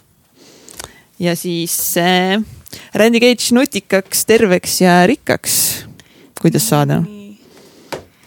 Äh, ja nüüd sa pead valima ühe. mulle jäi kuidagi, ma arvan, et see miks küsimus on see, mida me oma elus peame oskama küsida kõige paremini, nii et äh,.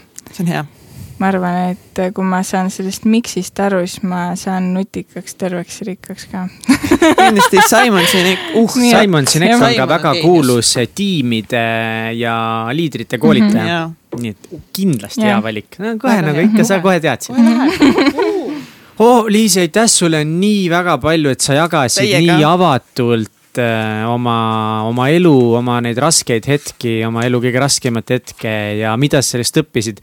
ja ma pean tunnistama, et üks asi, mis on sinu juures väga lahe, on see, et sa oskad üliägedasti kuidagi äh, mingid ideed panna väga kihvtidesse metafooridesse kuidagi need lõpus nii, nii hästi kokku siduda. et see on nagu päris lahe, et sa nagu räägid mingi loo ja sa seod selle sõlme sinna nii kenasti peale, sa tegid täna saates nüüd nii mitu korda ja ma olin mingi, et okei okay,, et siit on väga palju õppida. aitäh! Ja aitäh, et äh, lasite mul siin olla äh, jaurata ja, ja. Liis oli nii akna taga, peksis lihtsalt, et laske sisse, ma tahan teha. Ja aitäh selle üliägeda saate eest, mis te olete äh, selles suhtes teinud või see power, millega te teete, et peaksite endale ka vahepeal peeglisse vaatama, et kui veidrad te olete kellegi arvates või siis. kümme, meil pole kahtlustki, meil on lihtsalt kümme kümnest. minu arust nagu see hetk. alati on ruumi kasvuks, alati on ruumi mul on, ma, ma ei pane kuskile okay, kunagi nagu, maksimumpunkte. nagu veider on see, kus sa ei julge olla veider, minu arust see on väga veider, et see on nagu paradoks, kui veider sa oled, kui sa ei julge olla veider? jah, et sa ei julge teha seda, mis sa tahad. meie kuulajad saavad sinu tegemistel silma peal hoida. Äh, esiteks nad võivad äh, käia kohvikutes ja mind vahepeal näha. nii, ja kus kohvikud siis ongi? Rävala puiestee kuus kesklinnas Tallinnas, Ülemiste keskuses ja Balti jaama turul äh, keset tänavat, Võidu tänavat, väga armas keskkond. ja kus nad veel võivad seda teha, nad võivad kindlasti võtta minu sotsiaalmeediate kanalites pilgu peale visata Liisi Tarvo Instagramis või siis Räpikohviku Instagramis kus aeg-ajamisi ma vilksan. Anne Stiili ajakiri ilmus jaanuaris, seda võib lugeda. seal on väike killukene minu elust sees. Äh, võib kuulata veel ka podcast'i. hakkame tegutsema saates käisid. kas sa oled veel podcast'is käinud peale Hakkame tegutsema? Enda mälu järgi mitte. minema ei jõudnud kohale mäletad. nagu alguses see ülilahe, nii suur, suur aitäh sulle ja aitäh, kallis kuulaja, et kui see oli täna inspireeriv või julgustav, innustav sinu jaoks, siis jaga vähemalt ühe oma sõbraga seda, nagu ikka. lihtsalt no nii palju pead ikka tegema, on ju, me siin praegu mingi kaks tundi tegime ränka tööd, eks ja, ole. ja sul on lihtsalt mingi üks link, copy, saada, share, nagu nii lihtsaks on tehtud. või siis mine peal. talle koju, võta ta telefon kätte, otsi see sealt ja, eh, Spotify'st üles, pane seda kätte, pane kõrvaklapid. ja klapid pähe kindlalt. ja pane ta kuskile kappi luku taha. või siis usk uskumatu, aga saab ka näiteks helistada ja rääkida, et kuule, selline kogemus oli. helista, kahtlane, ma, see on ma olen see inimene, kellele ei meeldi kirjutada, vaid mulle meeldib kas koha nagu mm -hmm. kohal olles näost näkku rääkida või helistada nagu nice.. nii et äh, ja ma arvan, et ka kellel on huvi minu vastu, minuga rääkimiseks midagi sellist, siis ma arvan, et võite lihtsalt elu usaldada ja siis ühel hetkel me räägime niikuinii ja tänase saate, meil on ka lõpus nagu ikka, tänast saate tõid teieni. saate tõid teieni. Mihkel Vetemaa, Katrin Hindrikus. meie tehniline juht Egert Karu uh,. aitäh sulle, Egert. ja kindlasti suur-suur-suur tänu meie peatoimetaja Triin Tallo. jah, järgmise korrani. tšau. aitäh, nägemist. Bye. Bye. Bye. See you. See you never